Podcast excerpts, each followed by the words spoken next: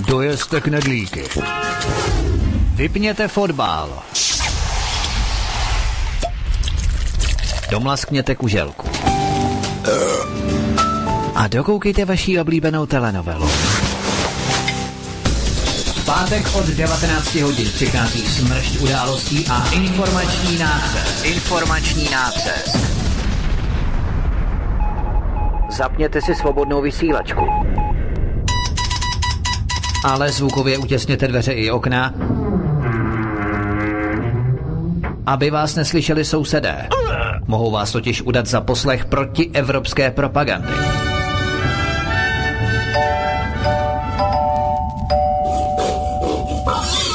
Proto buďte tuctoví, všední a hlavně nevybočujte. Pokud vystrčíte svobodně hlavu, nemilosrdně vás pokosí motorovou pilou. Demokracie? Ano, ale pouze ta po jejich. Proto zapalte svíčky, kupte pár plišáků a semkněte se s námi v boji proti bruselskému terorismu. Šéf redaktor z pravodejského portálu Ironet.cz pan VK komentuje aktuální události posledního týdne na vnitrostátní i zahraniční politické scéně. Das ganze tschechische Volk ist eine Simulantenbande. Zákulisní informace, které se nám vždy nemusí líbit. A komu tím prospějete, co? Geopolitické analýzy, rozvědky, zpravodajské služby. Buďme napřed ve vnímání informačního pole řídících mocenských procesů. Mocenský tenzor je neúprostný. Máte zaseknutý kompas na západ? Každý pátek od 19 hodin si k nám přijďte pro nový, protože nám funguje na všechny čtyři směry.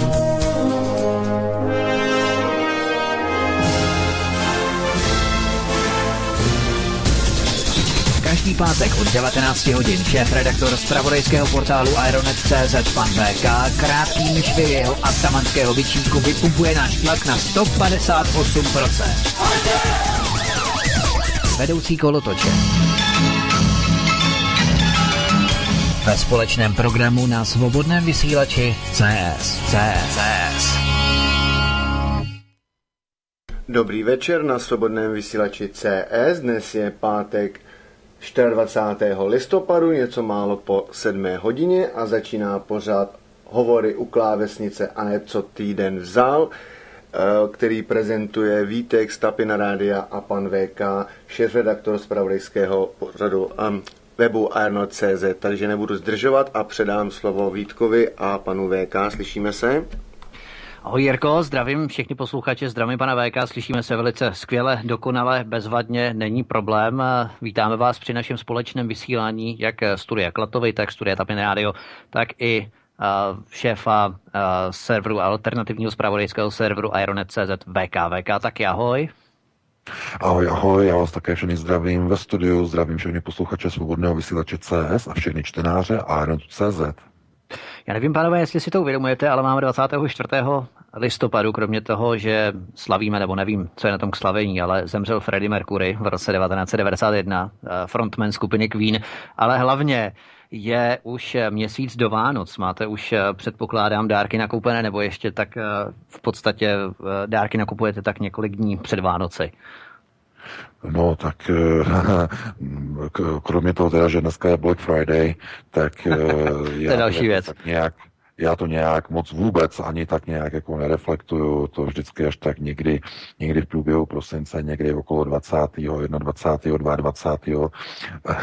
na poslední chvíli někde něco skáním, ale, ale, ale jako tak manželka připravuje, no, připravuje nějaký to pečení a nějaký ty to cukroví a tohle to všechno, takže ale já, já to nemám rád jako tady ten vánoční stres a spěch a, a radši, radši od toho pryč no já vím, že už e-shopy dokonce v rámci toho Black Friday a i další a různé slevy prezentují právě v rámci e-shopu na online prostoru a spoustu těch obchodů, kamenných obchodů se přesouvá právě do online sféry. Já se přiznám, že jsem tomu docela podlehl, takže už e, nakupuju především tady online a netlačím se někde v nějakém kamenném obchodě. Samozřejmě pokud je o nějaké oblečení a tak dále, tak samozřejmě je to dobré koupit v kamenném obchodu, ale takovou tu elektroniku, tak to už většinou jsem úplně přešel do toho online prostoru, takže jsem v podstatě obětí toho konzumu, který se prezentuje na internetu.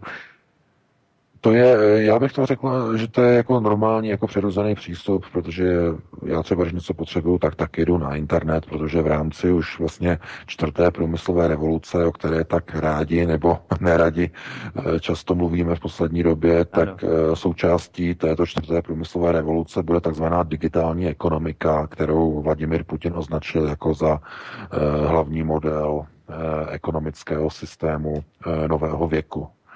To je zajímavý výrok minimálně od ruského prezidenta. Mě nepřekvapuje, protože samozřejmě Rusko sleduje tyhle ty moderní trendy možná mnohem více než Evropská unie, kde je všechno zkostnatělé a byrokraticky nastavené eh, v systémech, eh, kdy, já nevím, máte všude mobilní telefony, máte všude počítače, ale ve skutečnosti, když chcete jít na úřad, tak musíte podepsat a vyplnit stovky formulářů přesně, a z jednoho na druhé a trvá to dva měsíce a tři měsíce, protože je na, tom napojená, je na to napojená byrokracie. A proč? No, protože ti lidé musí mít práci. A to bychom se dostávali už úplně k jinému tématu, ale právě proto představují Piráti jako e, politické hnutí nebo politická strana v České republice ten model, eh, řekněme, nového globalizačního systému. Jsme o tom mluvili minule, právě, že Piráti tady to budou prezentovat a budou představovat vlastně model elektronizace celé státní zprávy. Půl milionu lidí přijde v příštích 15 letech v České republice o práci státních zaměstnanců. To je ten koncept, který mají Piráti. Půl milionu lidí ze státní zprávy ven.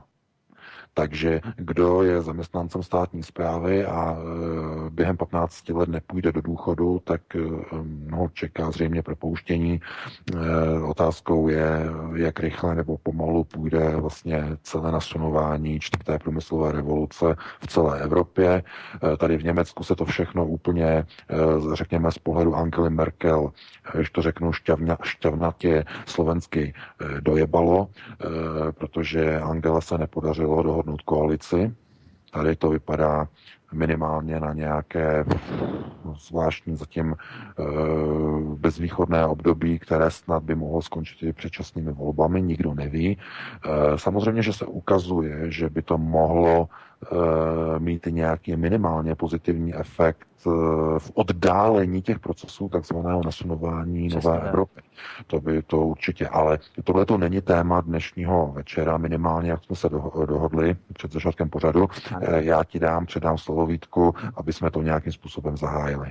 Dobře, já to jenom dokončím v rámci průmyslové revoluce 4.0 se za několik desítek let může stát, že naše chytrá lednice pozná, kdy vypršela nebo že nám došla nějaká potravina nebo expirovala, došla nám taky sama chytrá lednice automaticky objedná a nějaký dron nám ji eh, třeba přinese během několika hodin ano, a tak dále. To je, to je to pozitivnější. To je to pozitivnější, ale však už dneska jsou aplikace, které vám přímo jako i na telefonu říkají, že co máte jako eh, pít, co nemáte pít.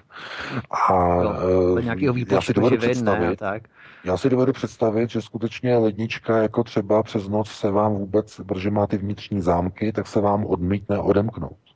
Uh-huh. To už je ta lednička Electrolux, jo, ta, s, tím, s tím programem. To jsem teď viděl reklamní video. Je to nějaký nový hit pro lidi, co mají nadváhu ve Spojených státech. Společnost Electrolux nabízí ledničku, která se, eh, jak doporučí lékař, tak se neotevře má tam vnitřní zámky a prostě neotevře se. No, Takže jako vám to brání jako přes noc, když vstáváte a uh, máte uh, ten nezdravý zvyk v noci vstávat a jíst, tak se vám neotevře. No a já už v tomhle tom vidím zkrátka to už je omezování člověka, sice třeba mm. jeho dobru, ale dostáváme se právě do toho, do toho systému, že kdo bude rozhodovat o tom, co je pro nás naše dobro. Jestli si o tom budeme rozhodovat sami, nebo to za nás rozhodne třeba kybernetický organismus, nějaký droid, nebo kyborg, nebo umělá inteligence. A to už potom není vůbec žádná legrace.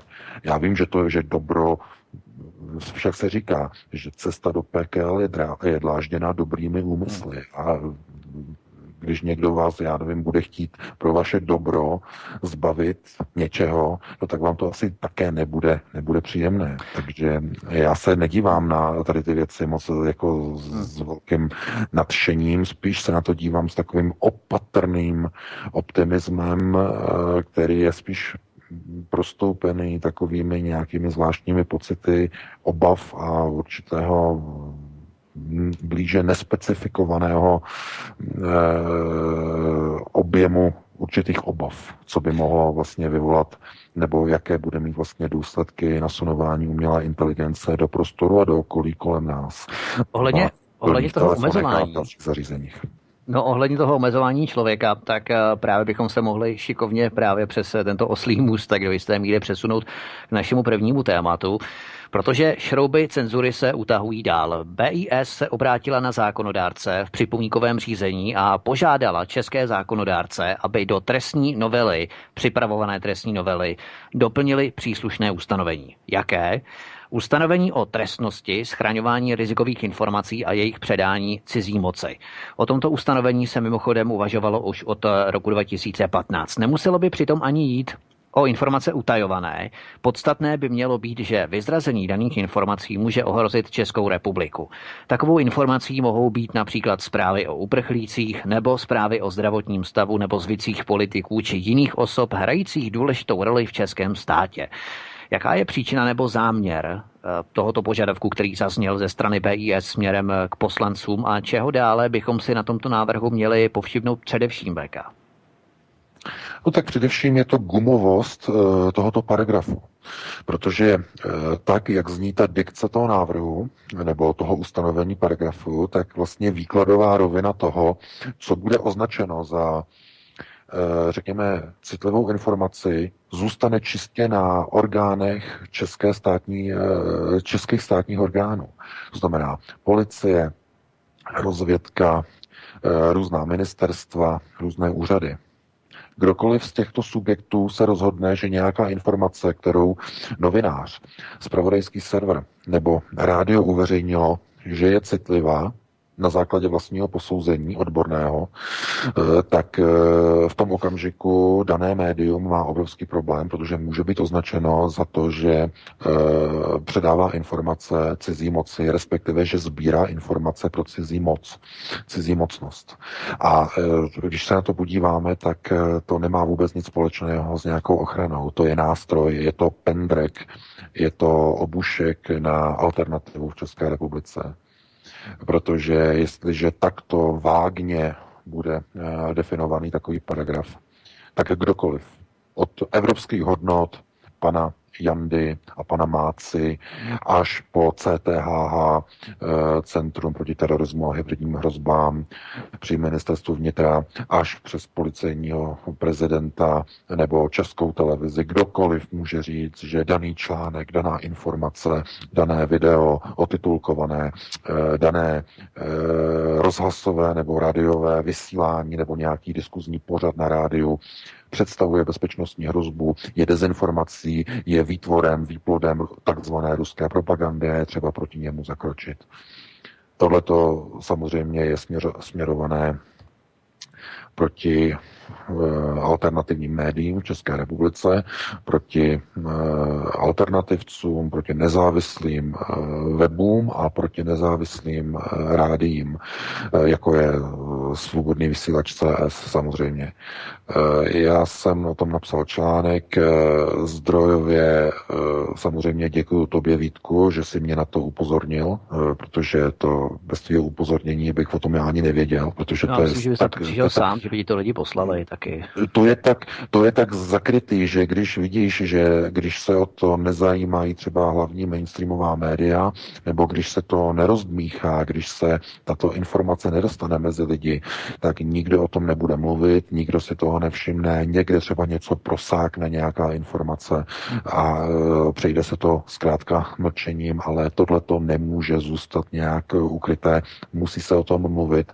Já jsem vyzval čtenáře Aeronetu, aby ten článek sdíleli, aby ho sdíleli všude, aby ho sdíleli na sociálních sítích, na svých profilech, na Facebooku, na Twitteru, na dalších, aby sdíleli přes e-mail eh, svým kamarádům, rozeslali, aby kontaktovali své zástupce v parlamentu, své poslance, eh, politické strany, SPD, KSČM, všechny další politiky, třeba i senátory, o kterých vědí, že mají dobré pro národní nastavení, aby se postavili proti tomuto paragrafu, který pokud by se dostal skutečně do novelizace trestního zákona, tak by znamenal konec nezávislé alternativní žurnalistiky a publikování na alternativní bázi. Protože podívejte se dneska, jakým způsobem funguje mainstream. Dneska dopoledne nebo před, no, v dopoledne okolo oběda proběhla tisková konference v poslanecké sněmovně České republiky. Eh, byla to konference SPD, kde paní novinářka nebo redaktorka z České televize eh, položila panu Radku Kotenovi, eh, kandidátovi na pozici předsedy bezpečnostního výboru za SPD, položila otázku, proč sdílí takzvaně dezinformační články z našeho serveru, z Aeronetu, že Bezpečnostní informační služba označila náš server za nějaké bezpečnostní riziko a tak dále. Pan Okamura tam odpověděl a reagoval na to velmi, velmi pěkně. My, já mu děkuji za podporu. Děkuji panu Okamorovi za to, že se postavil eh, za zdravý rozum protože jasně řekl, že názory na Facebooku zkrátka jsou názory lidí a nikdo nemá právo je cenzurovat a někomu říkat, jaké informace může nebo nemůže sdílet na Facebooku. To je skutečně velmi zásadní eh, informace nebo důležitá informace minimálně pro eh, některé redaktory České televize, kteří si uzurpují právo na takzvanou absolutní pravdu nebo, nebo selektivní pravdu ze svého pohledu. A jenom když vidíme vidíme ty útoky, které probíhají na jakékoliv eh, bázi z pohledu toho, když my uveřejníme nějaký článek, když my upozorníme na nějaký problém, na jakýkoliv problém, ať už je to litium, nebo je to právě tento problém eh, s novelizací trestního zákona ohledně sbírání eh, údajů, tak okamžitě začínají útoky útoky z mainstreamu, z bakalových médií, jak správně zaznělo na, tisk, na té tiskové konferenci, eh, že kde prostě se bere ona, ona síla novinářů, mainstreamových novinářů, že eh, jakým právem, eh, nebo ně, jako, jakým právem oni určují prostě to, že oni mají určovat, jaká má být politika, nebo mají určovat, jaká má být politika poslanecké sněmovny. Přece proběhly parlamentní volby, občan občané jasně rozdali karty a žádný novinář a žádná redaktorka České televize přece nemůže někomu podsouvat své názory, že něco je nějaká dezinformace a bezpečnostní informační služba, aby e, někde rozlašovala o něčem nebo o někom, že někdo představuje někde nějakou hrozbu. No, Jakou hrozbu? No hrozbu toho, že lidé se rozví pravdu. To je jediná, jediný důvod, proč tam byla tenkrát ta informace, protože když alternativní servery uveřejňují informace, které jsou jiné, to znamená ty, které e, představují e, hrozbu pro zavedený establishment, pro severoatlanticky nastavený, pro bruselsky nastavený, tak to zkrátka někomu vadí. A alternativa musí pracovat vždycky tak, aby odkrývala souvislosti, aby ukazovala lidem skutečné e, světlo a skutečné pohledy na realitu a e, informace o jednotlivých událostech. To je to klíčové. A e, oni chápou, novináři mainstreamu to vidí naprosto jasně, ale samozřejmě to nepřiznají. Oni ztrácejí vliv a hlavně oni ztrácejí důvěru veřejnosti. To je ten hlavní důvod, proč jsou tak vzteklí, proč, jsou, proč tak útočí, eh, proč se tak aktivizují. Eh, víte, když eh, pouštíte do světa informace a pracujete jako česká televize způsobem, že co reportáž, to dezinformace, A musíte takto pracovat, protože je to součást jakési vyšší režimní objednávky. Eh, pokud mluvíme o vyšší objednávce, tak vůbec to není objednávka státní, je to nadnárodní, je to bruselská objednávka, je to washingtonská objednávka v rámci severoatlantického souručenství mezi Severoatlantickou aliancí a Spojenými státy. Takže pokud takto pracujete, tak vidíte, že se podílíte na mohutné propagandě. To je mohutná propaganda státních médií, České televize nebo veřejnoprávních médiích, aby jsme to přesně definovali.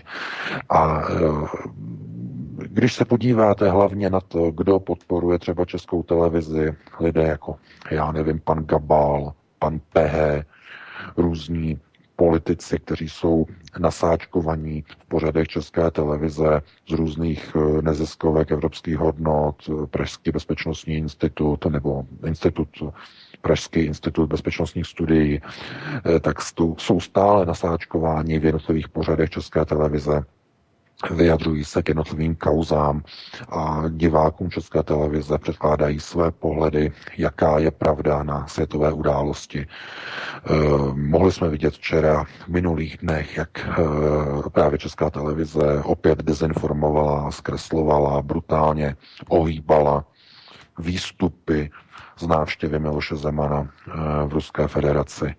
Budeme o tom ještě dneska hovořit, ale eh, ví, víte, tohle je právě ten problém, o kterém se mluví už hodně dlouho, eh, že pokud máte veřejnoprávní média, která takzvaně vlastní všichni a ve skutečnosti nikdo, protože veřejnoprávní médium je médium, na které se musí všichni skládat, ale kontrolují ho jenom úzké skupiny lidí, které nikdo z občanů nevolil kteří byli dosazeni a prosazují potom ve veřejnoprávním médiu svoji vnitřní politiku. Proto ten spacákový puč v roce 2000 e, na Kavčích horách redakci zpravodajství, tenkrát Jan Ruml, všichni, ta havlistická fronta, jak tam tenkrát se vzbouřili proti vedení Eh, České televize tehdy, tam došlo k tomu převratu mediálnímu, no tak tam bylo jasné, nebo tam bylo jasně vidět, že v té chvíli, v, té, v tom okamžiku e, někdo převzal kontrolu nad celým spravodajstvím a nad vedením České televize. A dneska vidíte po nějakých 17 letech ten výstup. Zatímco Česká televize ještě v 90. letech e, měla, můžeme říct, Eh, etablovala se nebo byla velmi blízko svojí kvalitou, například zpravodajství, svojí kvalitou dokumentárních filmů, cestopisných filmů. Velmi se blížila eh, britské BBC. Eh, opravdu, jako tam ještě byla kvalita té české televize, ale to, co se stalo po tom spacákovém převratu pod vedením pana Rumla, tak zkrátka dneska vidíte televizi, však samozřejmě víme, jak to vypadá. Když přijdete, nevím, kdo z vás byl uvnitř v prostorách České televize, já tam byl několikrát a to můžu říkat, říkat klidně bez, strachu, obav, že by nás někdo identifikoval. A už dřív samozřejmě. E, tak tam, když se projdete třeba po tom patře novinářů, když se projdete e, po budově zpravodajství nebo tam po tom patře, tak tam vidíte, jak jsou tam všude na těch dveřích izraelské symboly, židovské hvězdy, palestinské vlajky, eh, jsou tam fotografie Václava Havla, jsou tam fotografie Madeleine Albrightové, dalších zrádců národa a všude lidé tam zkrátka pod, podpora pochopitelně homosexualismu, duhové vlajky, LGBT. Takže tu televizi nikdo neřídí a Eh, my už jsme to konzultovali na politické rovině eh, s kolegama. Říkali jsme, že musí dojít k restrukturalizaci České televize a musíme jako alternativa zapůsobit na politické strany, které jsme jako alternativa podpořili, abychom restrukturalizovali Českou televizi, abychom rozbili současné vedení a nahradili ho eh, vedením profesionálním, skutečně odborným, které není ideologicky Eh, těžce vychýlené směrem ke Spojeným státům. To je současné nastavení České televize. A pokud mluvíme o těžkém vychýlení ve směru ke Spojeným státům, tak mluvíme o vychýlení ve směru k americkým neokonům.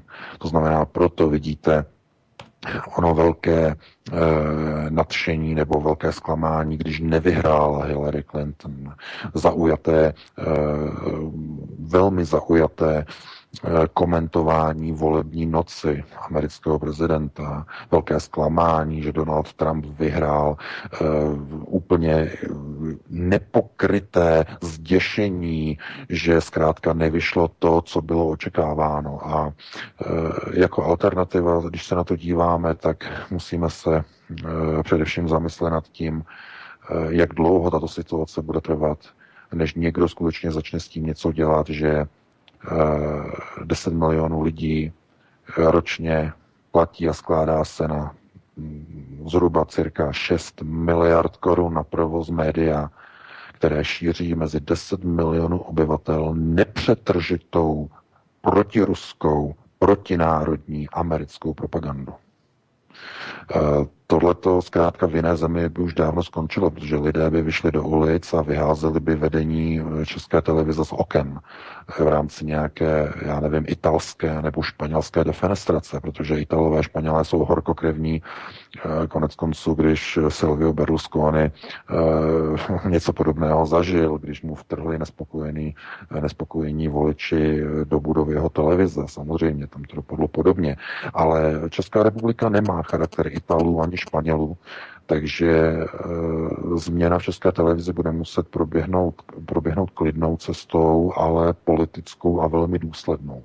A já věřím, že v následujících letech, minimálně čtyřech letech, e, pokud teda nebudou předčasné volby, e, tak očekávám od o něch poslanců alternativních stran, když je tam pouze jedna jediná, očekávám od SPD, že bude tlačit na restrukturalizaci a reformu reformu eh, samotného eh, řekněme, základu toho, jak funguje česká televize.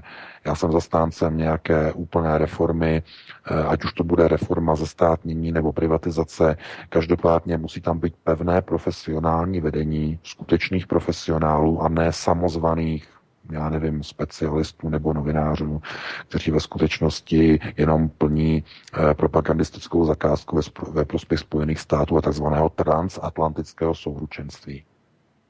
To prostě Když... není vidět. A já jenom dokončím, že to není jo. vidět například ani v BBC. I BBC je velmi zvláštní, je velmi, řekněme, eh, je na ní vidět, že je poměrně sluníčkově nastavená, ale i tam eh, to není tak okaté, jako je to v české televizi, kde zkrátka máte, já nevím, diskuzní pořad politiků a tam není žádná opozice.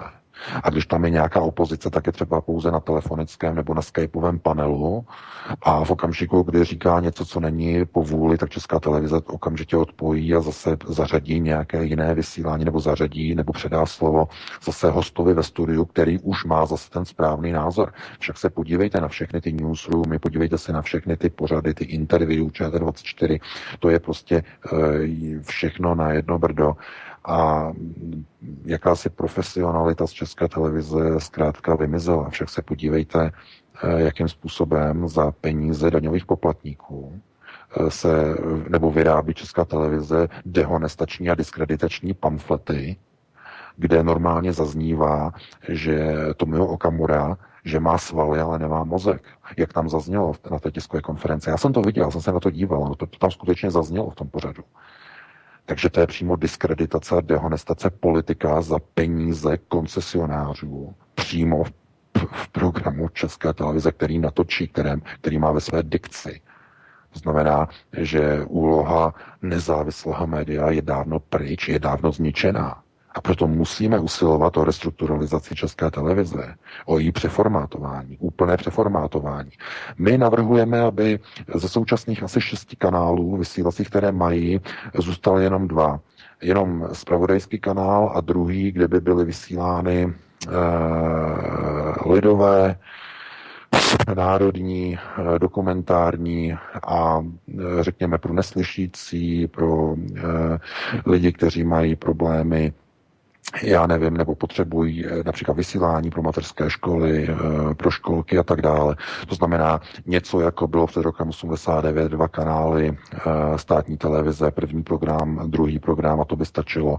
To by měla v dikci státní televize, nebo by mohlo být soukromá, ale já myslím, že soukromých televizí v České republice je opravdu už hodně, že by to měly být dva státní kanály. Jeden by se, jeden by se týkal nebo věnoval by se čistě nezávislému zpravodajství, profesionálně nastavenému, to znamená eh, tak, aby eh, ten kanál vedli lidé, kteří jsou skutečně politicky ambivalentní, kteří nemají ani pro jednu, ani pro druhou stranu, ani východ, ani západ. Zkrátka jsou to tvrdí profesionálové, kteří jsou nezaujatí. A druhý kanál by byl právě na vysílání různých, řekněme, českých inscenací, eh, na novou tvorbu, pořady pro děti, večerníčky a tak zkrátka on, onen tradiční druhý program, eh, který by vlastně obsahoval všechno ostatní. Já nechápu, jak je možné. Já opravdu to nechápu, že za peníze koncesionářů eh, veřejnoprávní televize vysílá sportovní kanál. Pro boha to není nikde na světě, to je jenom v České republice. Proč? Protože Česko snese všecko. Jako to je přece otázka z mm, komerčních kanálů. Proč by měla česká televize za peníze koncesionářů vysílat nějaké sportovní kanály? To je otázka pro uh, komerční televize. To samé je pořád jako, jako Dčko pro děti. Pro boha, od toho jsou všechny ty uh, komerční uh, stanice, komerční kanály.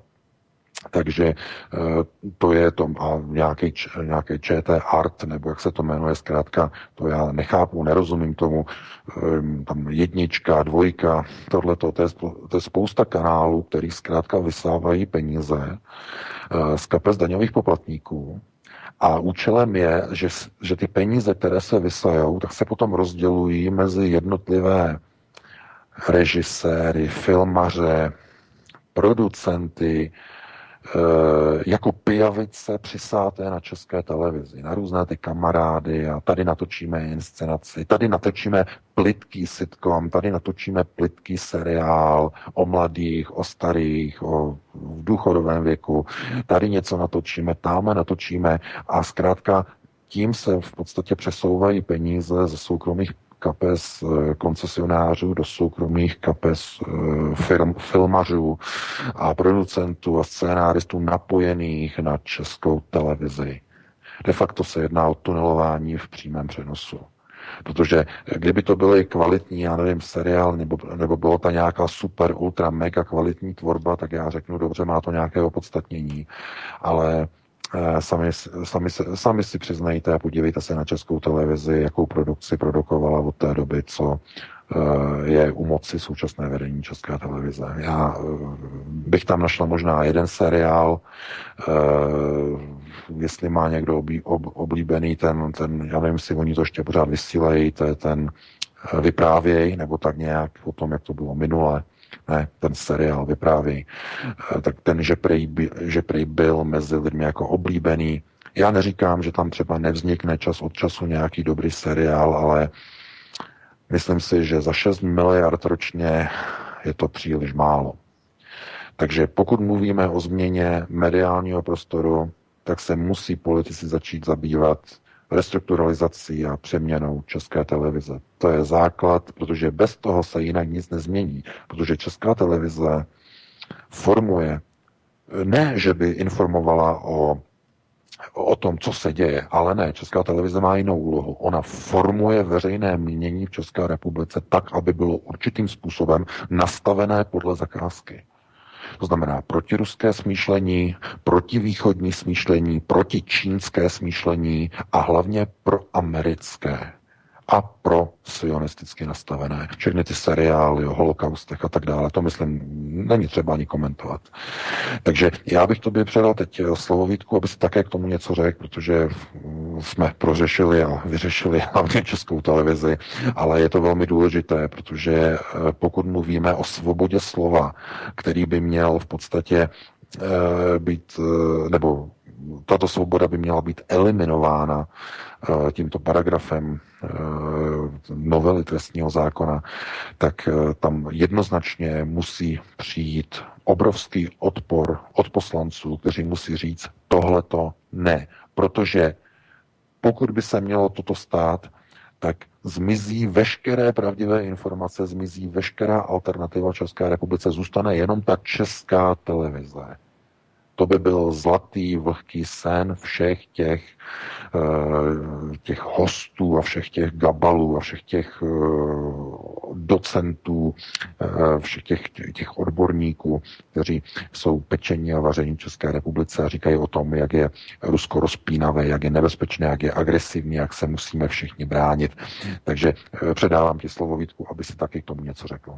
A nám budou, nám budou říkat a nám budou vytýkat, že vyvoláváme paniku a tak dále, přičemž oni v podstatě v každé druhé větě tvrdí, jak nás Rusko co nevidět napadne a jak je rozpínavé, skoro až k Moskvě.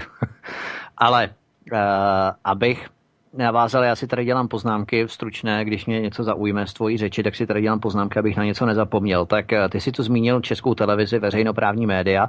Já bych tady jenom jmenoval uh,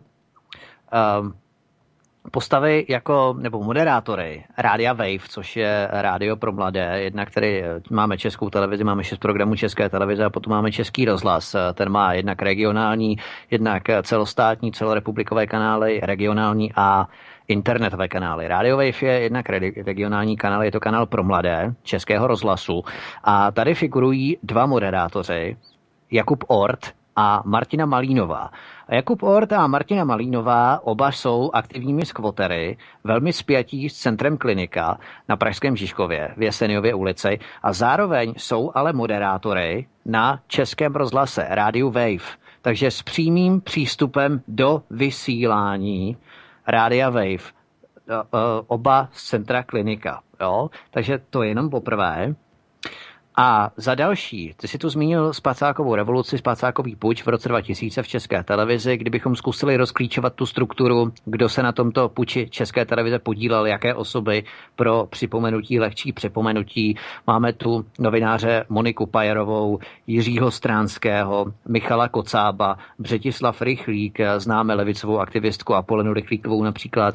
Dále Tomáš Halík, který sloužil mši dokonce na tom velíně české televizi, ale také uh, tu figurovali Marek Eben, Jan Hřebejk, ti také podpořili uh, spacákovou uh, revoluci reportéry ve Velíně v české televizi. Jan Kraus, to je překvapení, vzpomínáme si na pana Bredyho minulý rok, že?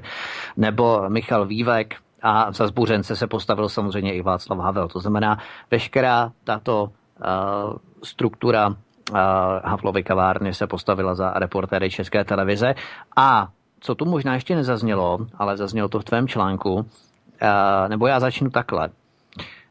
Um, tento model toho uh, zákona nebo návrhu, který chce eh, BISKA, Bezpečnostní informační služba, implementovat eh, v rámci připomínkového řízení o toho prvního čtení, že jo, tak ho chce implementovat právě do toho nového znění, do novelizace tohoto zákona o bezpečnosti, tak ten model, byl, ten model byl převzatý z německého zákona na ochranu menšin z počátku roku 2016, který zakazuje německým médiím psát a informovat o menšinách, pokud existuje možnost zneužití těchto informací extremistickými hnutími, to je skoro každý, že, anebo nějakou zahraniční mocností. No a ten zákon připravila německá spravodajská služba BND. No a to mě přivedlo právě k tomu, a co si tady zmiňoval už eh, jako poslední bod, který tu mám v těch eh, stručných poznámkách, eh, jak u nás vznikl odbor pro dezinformace a s tím se pojí i známé Centrum proti terorismu a hybridním hrozbám, tak celý model toho českého útvaru odboru pro dezinformace je kopírovaný také z německého modelu, který pod kuratelou ministerstva vnitra vede Aneta Kahan. O tom už jsme tu několikrát také se zmiňovali. Aneta Kahan je mimochodem bývalá spolupracovnice východoněmecké tajné služby Štázy a je také kamarádka Angely Merkelové, protože obě tehdy pro východoněmeckou tajnou službu štázy pracovaly. A v Německu se to jmenuje Centrum proti kybernetické zločinnosti a xenofobii. A ohledně našeho centra pro terorismus a hybridním hrozbám, proti terorismu a hybridním hrozbám, tak vyplynulo na povrch, To bylo konkrétně také v české televizi, mimochodem v událostí a komentářech, v událostí a komentářích České televize, myslím, v pondělí 2. ledna 2017, přesně když ten eh, zákon vstupoval v platnost, myslím, že to zmínil dokonce pan Bublan tehdy, že se nejedná pouze o monitorovací orgán, ale informace nazbírané tímto orgánem jsou postupovány policie.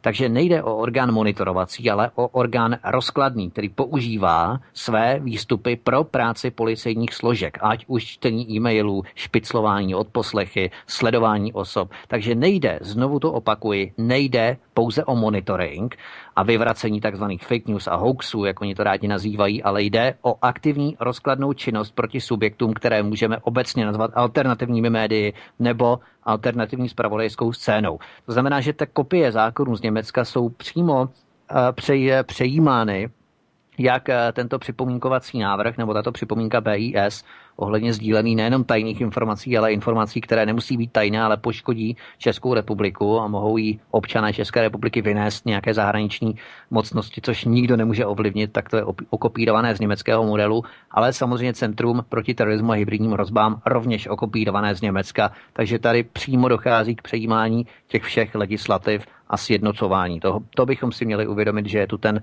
nadnárodní proces, na co vždycky poukazuješ. No, já s tím souhlasím. Já jenom, že eh, já se obávám, že v České republice platí, že papež je papeštější než papež. Jo? Nebo že e, tito lidé jsou opravdu papeštější než kdokoliv jiný a že může být v podstatě takové zákonné ustanovení daleko tvrdší než tady v Německu. Toho bych se jako obával. Mm, no, ono by to asi ani nikoho nepřekvapilo. Zkrátka, přece pokud nějaká informace je veřejná, pokud je veřejně dostupná, eh, pokud je, a není, není jakkoliv, nebo jakýmkoliv způsobem zkrátka není chráněná, není tajná, není utajovaná, nebo ani není důvěrná, tak přece nikdo nemůže být eh, persekuován za to, když tu informaci získá a když ji použije například k nějakému, já nevím, článku, nějaké další informační činnosti. To je přece úplně eh, proti základním eh, svobodám, eh, minimálně o informování a základní svobody jakékoliv žurnalistiky nebo jakéhokoliv zpravodajství. Takže tohleto je cesta k jakési totalitě, informační totalitě a tomu skutečně musí být vystavená stopka.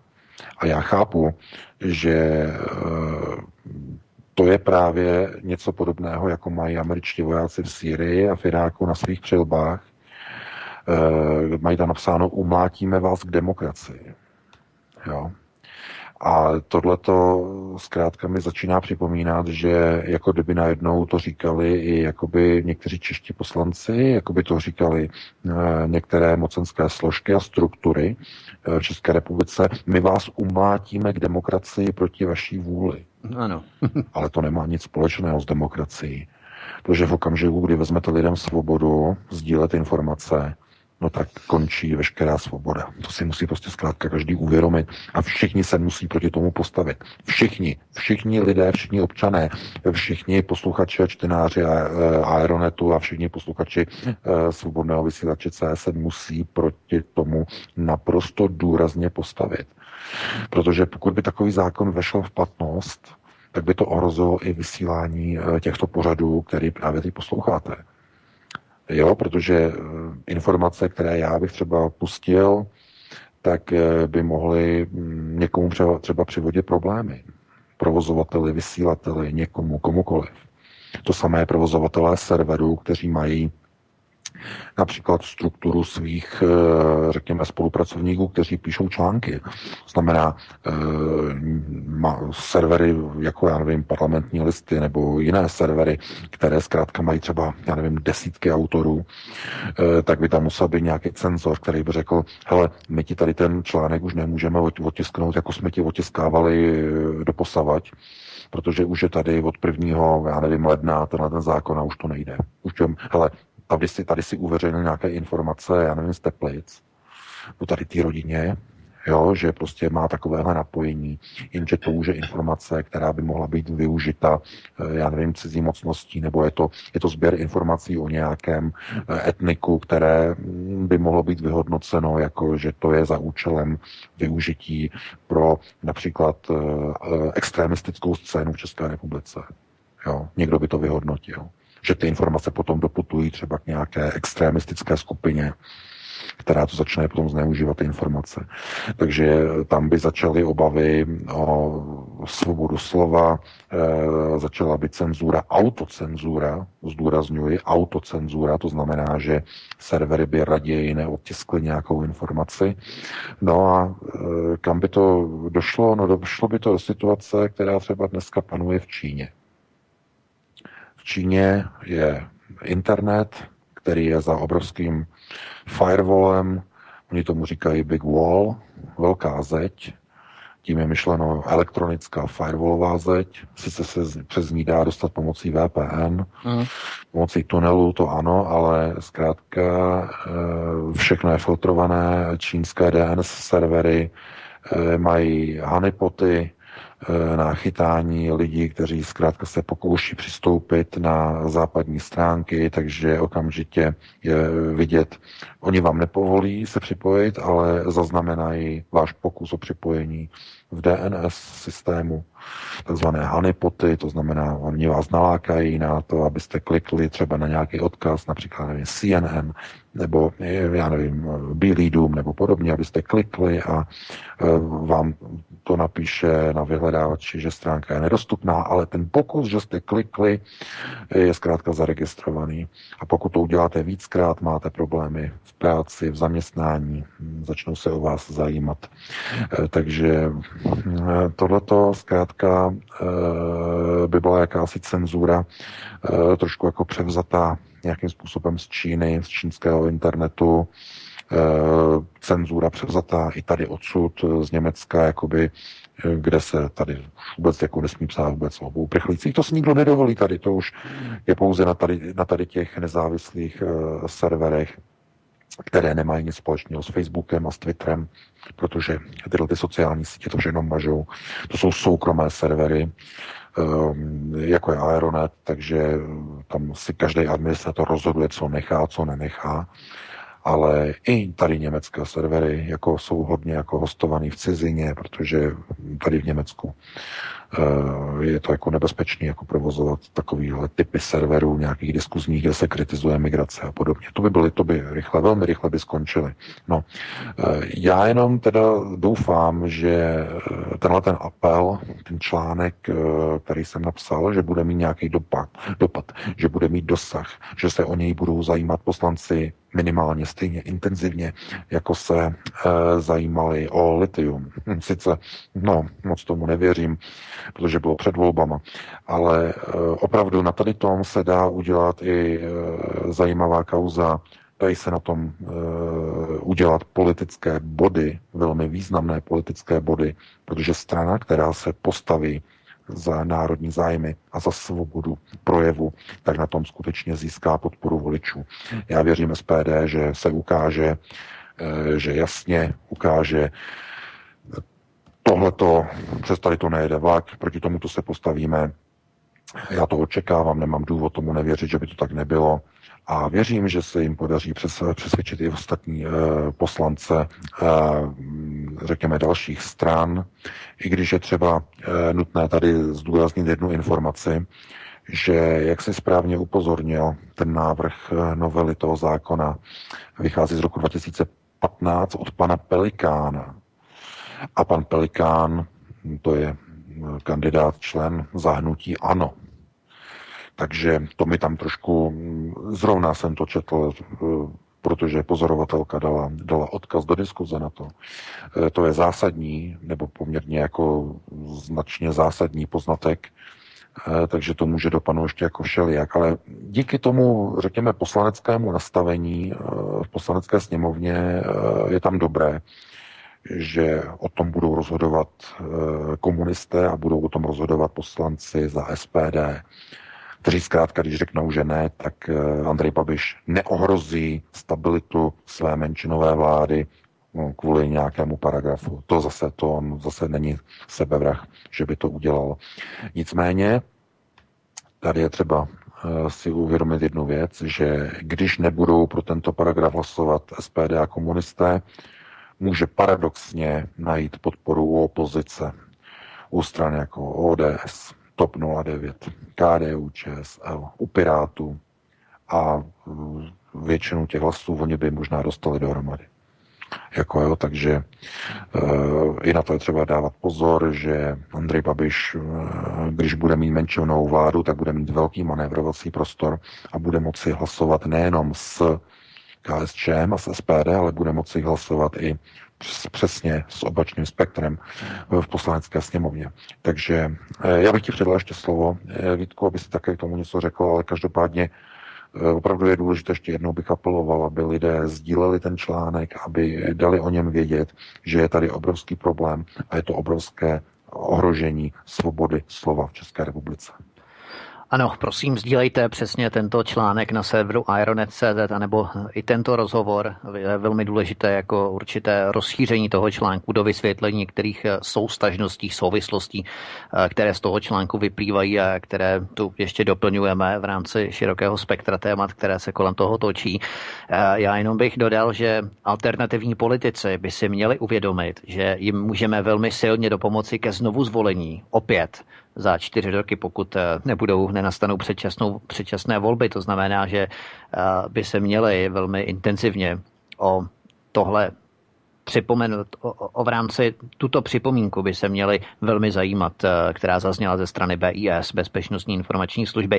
Jenomže já bych připomněl ještě dvě věci, a to tu věc, že bývalý, a ne bývalý, vlastně současný policejní prezident Tomáš Tuhý a ministr vnitra Milan Chovanec ještě, předložili ke schválení vládě aktualizovanou podobu koncepce rozvoje policie České republiky. V nich se pravilo, že cizí státní příslušník nebo středoškolák bez maturity by mohli nově nastoupit k policii České republiky. Nevím, jestli tato koncepce byla přijata nebo nebyla, ale to svědčí o naprosté zoufalosti, protože už není prostě odkud brát. Takže policie je ochotná, Česká policie přijímat i cizince, cizí státní příslušníky. A druhá věc, tam jde o to, jak oni slučují ten eh, útvar pro odhalování organizovaného zločinu a útvar pro odhalování finanční kriminality a korupce do jednoho celku, zvaného Národní centrála pro boj s organizovaným zločinem, myslím, že se tak jmenuje. A tenhle přídavek cizinců do toho byl včleněn jakoby mimoděk, nepozorovaně. Ale ještě druhá věc, když eh, hovoříme o naší policii, o tom, že krimigranté u nás nejsou a že nám nic nehrozí, že se nemáme ničeho obávat, že vyvoláváme paniku a tak dále a tak dále, tak Ministerstvo vnitra vypracovává novou koncepci mechanismu v rámci takzvaného systému varovných elektronických zpráv. A tento systém varovných elektronických zpráv by měl podle té koncepce rezortu od příštího roku, to znamená už za téměř měsíc a kousek, propojit místa, která se v řadě evropských měst ukazují být jako nejohroženější vůči teroristickým útokům. Oni je nazývají měkké cíle, jo? tak eufemisticky, abychom si na to zvykli, aby to neznělo příliš uh, zastrašujícím dojmem, tak měkké cíle. A jde především o různá nevím, nákupní centra, diskotéky, jo, sportovní stadiony, nádraží a tak dále. A do té sítě měkkých cílů, jak oni tomu hezky říkají, se budou moct zapojit ti, zá, ti zástupci měkkých cílů, kteří už o to budou mít zájem v rámci toho systému varovných elektronických zpráv, které připravuje České ministerstvo vnitra. Takže to ke stále dokola opakovanému tvrzení, že nám nic nehrozí, že tady nejsou, takže se nemáme ničeho bát a nemáme vyvolávat paniku. Takže proč se ministerstvo vnitra připravuje na takovouto eventualitu v celostátním měřítku, když nám teda nic nehrozí, když tady nejsou a když se nemáme čeho bát? No to je příprava už na přerozdělovací kvóty e, migrantů. To je naprosto logické, protože kdokoliv tvrdí, že chce zůstat v Evropské unii, jako Andrej Babiš, tak musí vědět, co řekla Angela Merkel. Kdo chce zůstat v Evropské unii, musí přijímat migranty. Musí se podělit o e, povinnost a o solidaritu při rozdělování a řešení tzv. migrační otázky. Tam e, přesto nejede vlak. Znovu opakuju, pokud někdo si myslí, že zůstaneme, řekne se, zůstaneme v Evropské unii a ty migranty nějak z toho vynecháme. Ne, ne, ne, nevynecháte. Angela Merkel to řekla jasně. A když uh, vynecháte, tak budou sankce. Eh, takže mm, budou problémy. Samozřejmě, že když do, řekněme, multikulturně nepolíbené České republiky, když to řeknu takhle, jo, do multikulturně nepolíbené České republiky nasunete 25 tisíc migrantů za první dva roky, 2019-2020, jak eh, navrhoval mimochodem ještě Martin Schulz, že pro Českou republiku 19 až 20, 25 tisíc lidí, migrantů, no, tak co se stane? Eh, budou se muset přerozdělit. A e, já si dokážu vsadit, já nevím, někde do fortuny, že to nebude tak, že e, Česká republika nebo vláda České republiky by chtěla vytvořit geta, protože to by byla cesta do pekel, ale použije raději takzvaný rakouský model. Možná znáte. Rakouský model je přesným opakem vytváření get. E, to je rovnoměrné rozprostírání migrantů po jedné nebo po dvou rodinách do jednotlivých měst, městeček, obcí, dokonce vesniček v celém Rakousku. To je, eh, zajděte se podívat do Rakouska. Zajděte se podívat. V každé vesnici, v každé obci najdete muslimskou obec. Najdete tam muslimy. Dvě rodiny, tři rodiny, Někdy oni, jich je málo, oni nemají muslimskou obec, oni jezdí potom do, uh, uh, no, do většího města. No, no, no, do většího města, ale zkrátka jsou takto rozstrkáni do, do malých měst, městeček a dokonce i do vesnic. V Rakousku vím, že i ve vesničkách, kde teda máme nějakých 100 obyvatel, nějakých 100 popisných čísel, no takový já nevím, někdo by řekl městec, možná nějaká větší vesnice podobná jako městu a městec. Eh, zkrátka, takhle to funguje v Rakousku. A tenhle ten model se osvědčil. Minimálně v Rakousku se osvědčil. Až teda na některé excesy, jako jsou různá znásilnění dětí v bazénech ve Vídni a tak dále. Ale jinak, když se srovná rakouská situace eh, tady s Německem, tak je eh, diametrálně odlišná takové problémy jako tady v Rakousku nemají. Eh, samozřejmě, že záleží na, eh, na prostoupení, na saturaci, to znamená, eh, kolik vlastně těch migrantů kde v které, ve které konkrétní zemi je a jak rychle nebo jak, řekněme, účinně dokáže ta společnost to cizí etnikum absorbovat, asimilovat. Jak rychle. No a když vezmete první várku 25 tisíc migrantů, no tak si představte, já nevím, zhruba stovku českých měst v první stovce, kde byly by tak nějak rovnoměrně rozstrkáni no, po nějakých skupinách, ale já si to spíš dovedu představit tak, že by byla snaha jednotlivých obcí si, mezi, si je mezi sebou přehazovat jako, jako horké brambory a protože by to nefungovalo dobře, tak by tam určitě do toho byl zapojený nějaký finanční motivační faktor, o kterém se mluví čím dál tím víc, minimálně tady. A e, toho já se obávám úplně nejvíc. Protože ten e, finanční motivační faktor spočívá v tom, e, že když některá rodina se rozhodne, že například ubytuje ve svém velkometrážním objektu, máte třeba rodinný dům, kde třeba, já nevím, máte dvě místnosti nebo tři místnosti prázdné, nebo máte první patro máte prázdné, Třeba eh, tak když pronajmete, jo, když pronajmete prostě uh, svoji nemovitost, tak máte potom od státu, máte za to velmi zajímavé prebendy a v řádech, v řádech tisíců eur. Ale musíte se dostat do programu, oni vás potom prověřují, že nemáte v baráku. Nesmíte mít v baráku žádné psy, nesmíte mít v baráku žádné zvířectvo ve smyslu prasat, nic takového. Oni, vás prověří, eh, že nemáte nějaké zvyky. Nesmíte být praktikující křesťané, mimochodem, to oni také nechtějí. Nesmíte mít kříže v domě, nic takového. Nejlep, nejlepší, úplně nejlepší je, když jste ateisté. Když jste ateisté, tak to je úplně nejlepší. Eh, nemáte nic eh, konkrétně a oni vás zařadí do toho programu. Zatím ten program není oficiální státní, eh, řídí to tady neziskový sektor, vybírají si jednotlivé lidi, ale Eh, schyluje se k tomu, že to dostane brzy státní garance. Znamená, stane se to státním nebo státně podporovaným programem. Neziskovky, eh, například Mensch, Mensch, Mensch z Berlína o to usilují, lobují v Berlíně, eh, v Bundestagu, u jednotlivých politických stran, ještě teď za minulý vlády, lobovali, aby to bylo přijato jako státní program, ne jako soukromý neziskovkový program, ale jako státní program.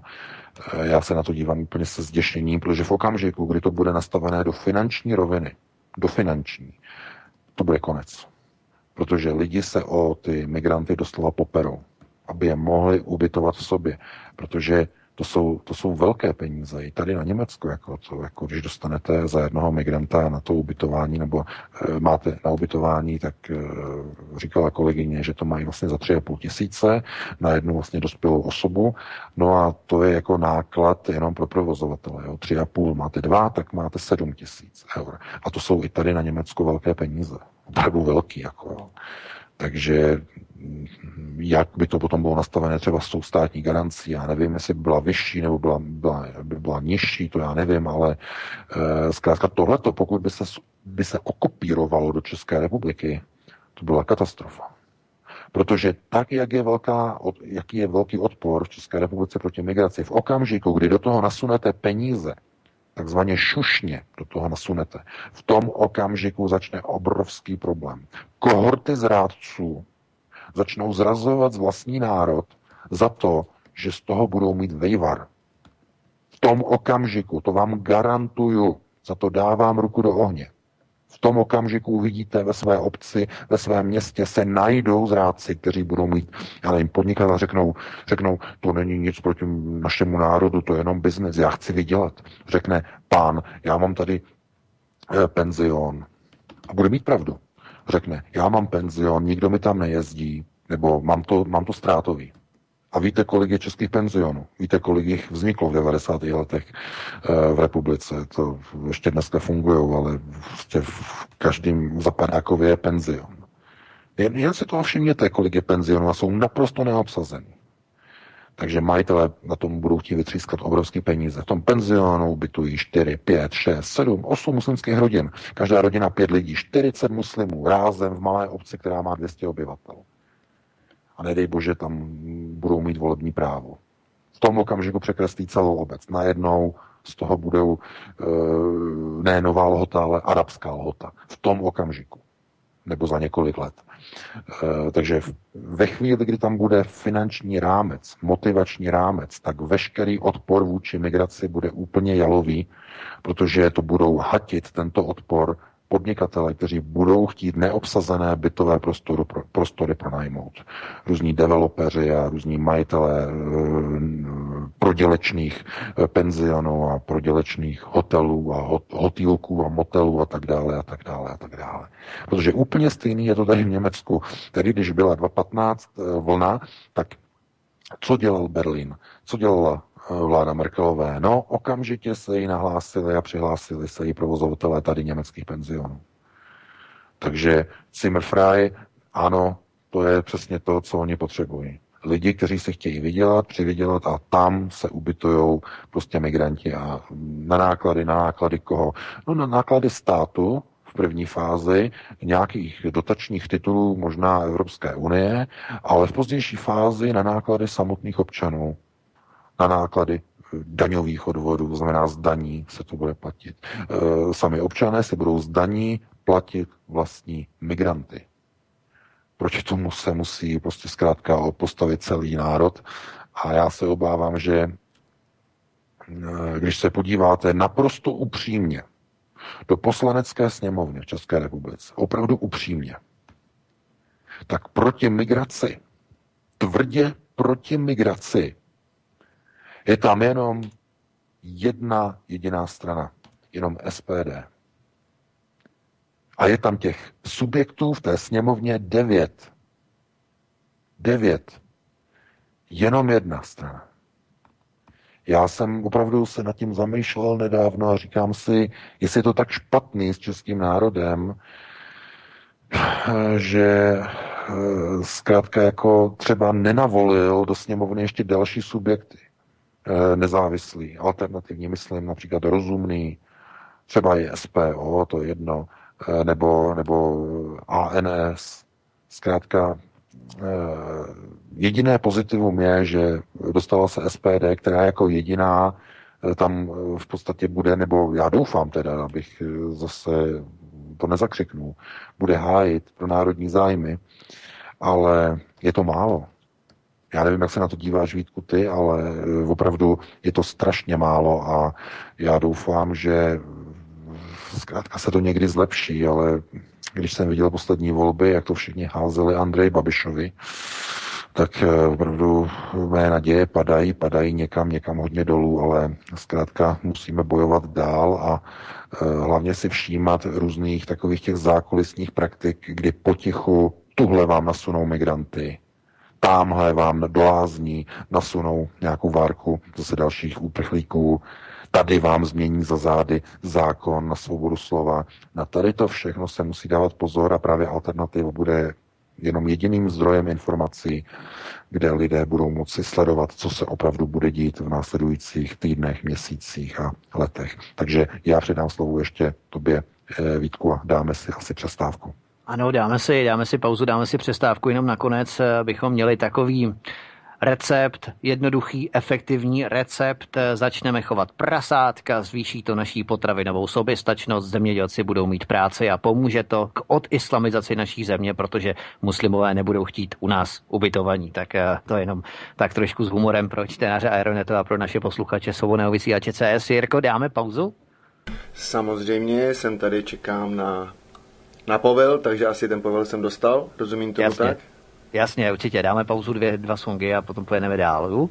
Samozřejmě, takže jsem eh, připravil dvě písničky od Serio Tankiana a jejich text je velice příhodný o tom, čo, co bylo zde debatováno. Takže za nějakých 9 minutek jsme v druhé části s, s Vítkem z Tapina Rádia a s panem VK z uh, Aeronetu CZ.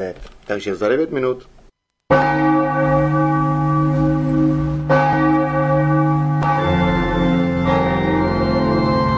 Také byste rádi věděli, kam půjdou naši politici na zasloužený odpočinek ke spánku na věčnost.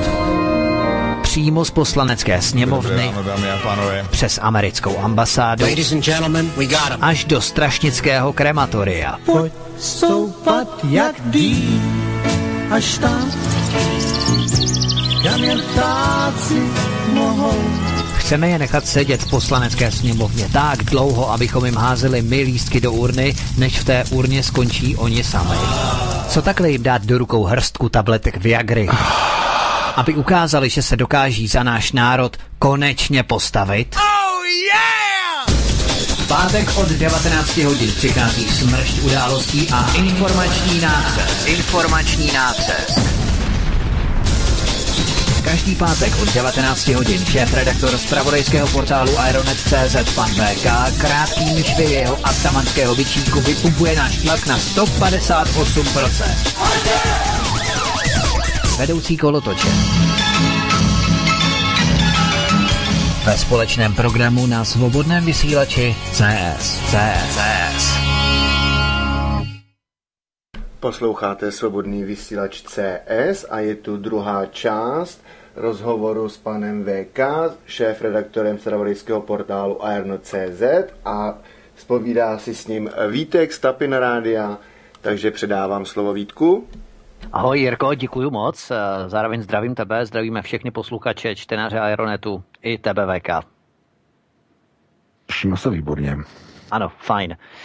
Tak já bych jenom eh, předtím, než se dostaneme k náštěvě prezidenta Zemana eh, do Ruské federace, do Ruska, jeho setkání se Vladimírem Putinem v Soči a další návštěvy v Jekaterinburgu a v Moskvě a tak dále, na což všichni jistě čekají, tak bych jenom schrnul to, o čem jsme si povídali v první polovině a, a možná bych tu předestřel i nové informace, pokud bychom si je složili dohromady jako pucle, jako mozaiku. Když si to tedy schrneme, za prvé, lidé napojení na teroristické skupiny projížděli územím České republiky a pokoušeli se u nás na, nakoupit pro místa různých bojů v islámském státu, já nevím, stany, spacáky a další outdoorová vybavení. Outdoorová vybavení, pardon. V Česku se také léčil další islámista, který byl v těchto bojích islámském státě postřelen. Tyto informace potvrdil mimochodem sám ředitel Národní centrály proti organizovanému zločinu Michal Mazánek. Takže to je oficiální informace, za prvé.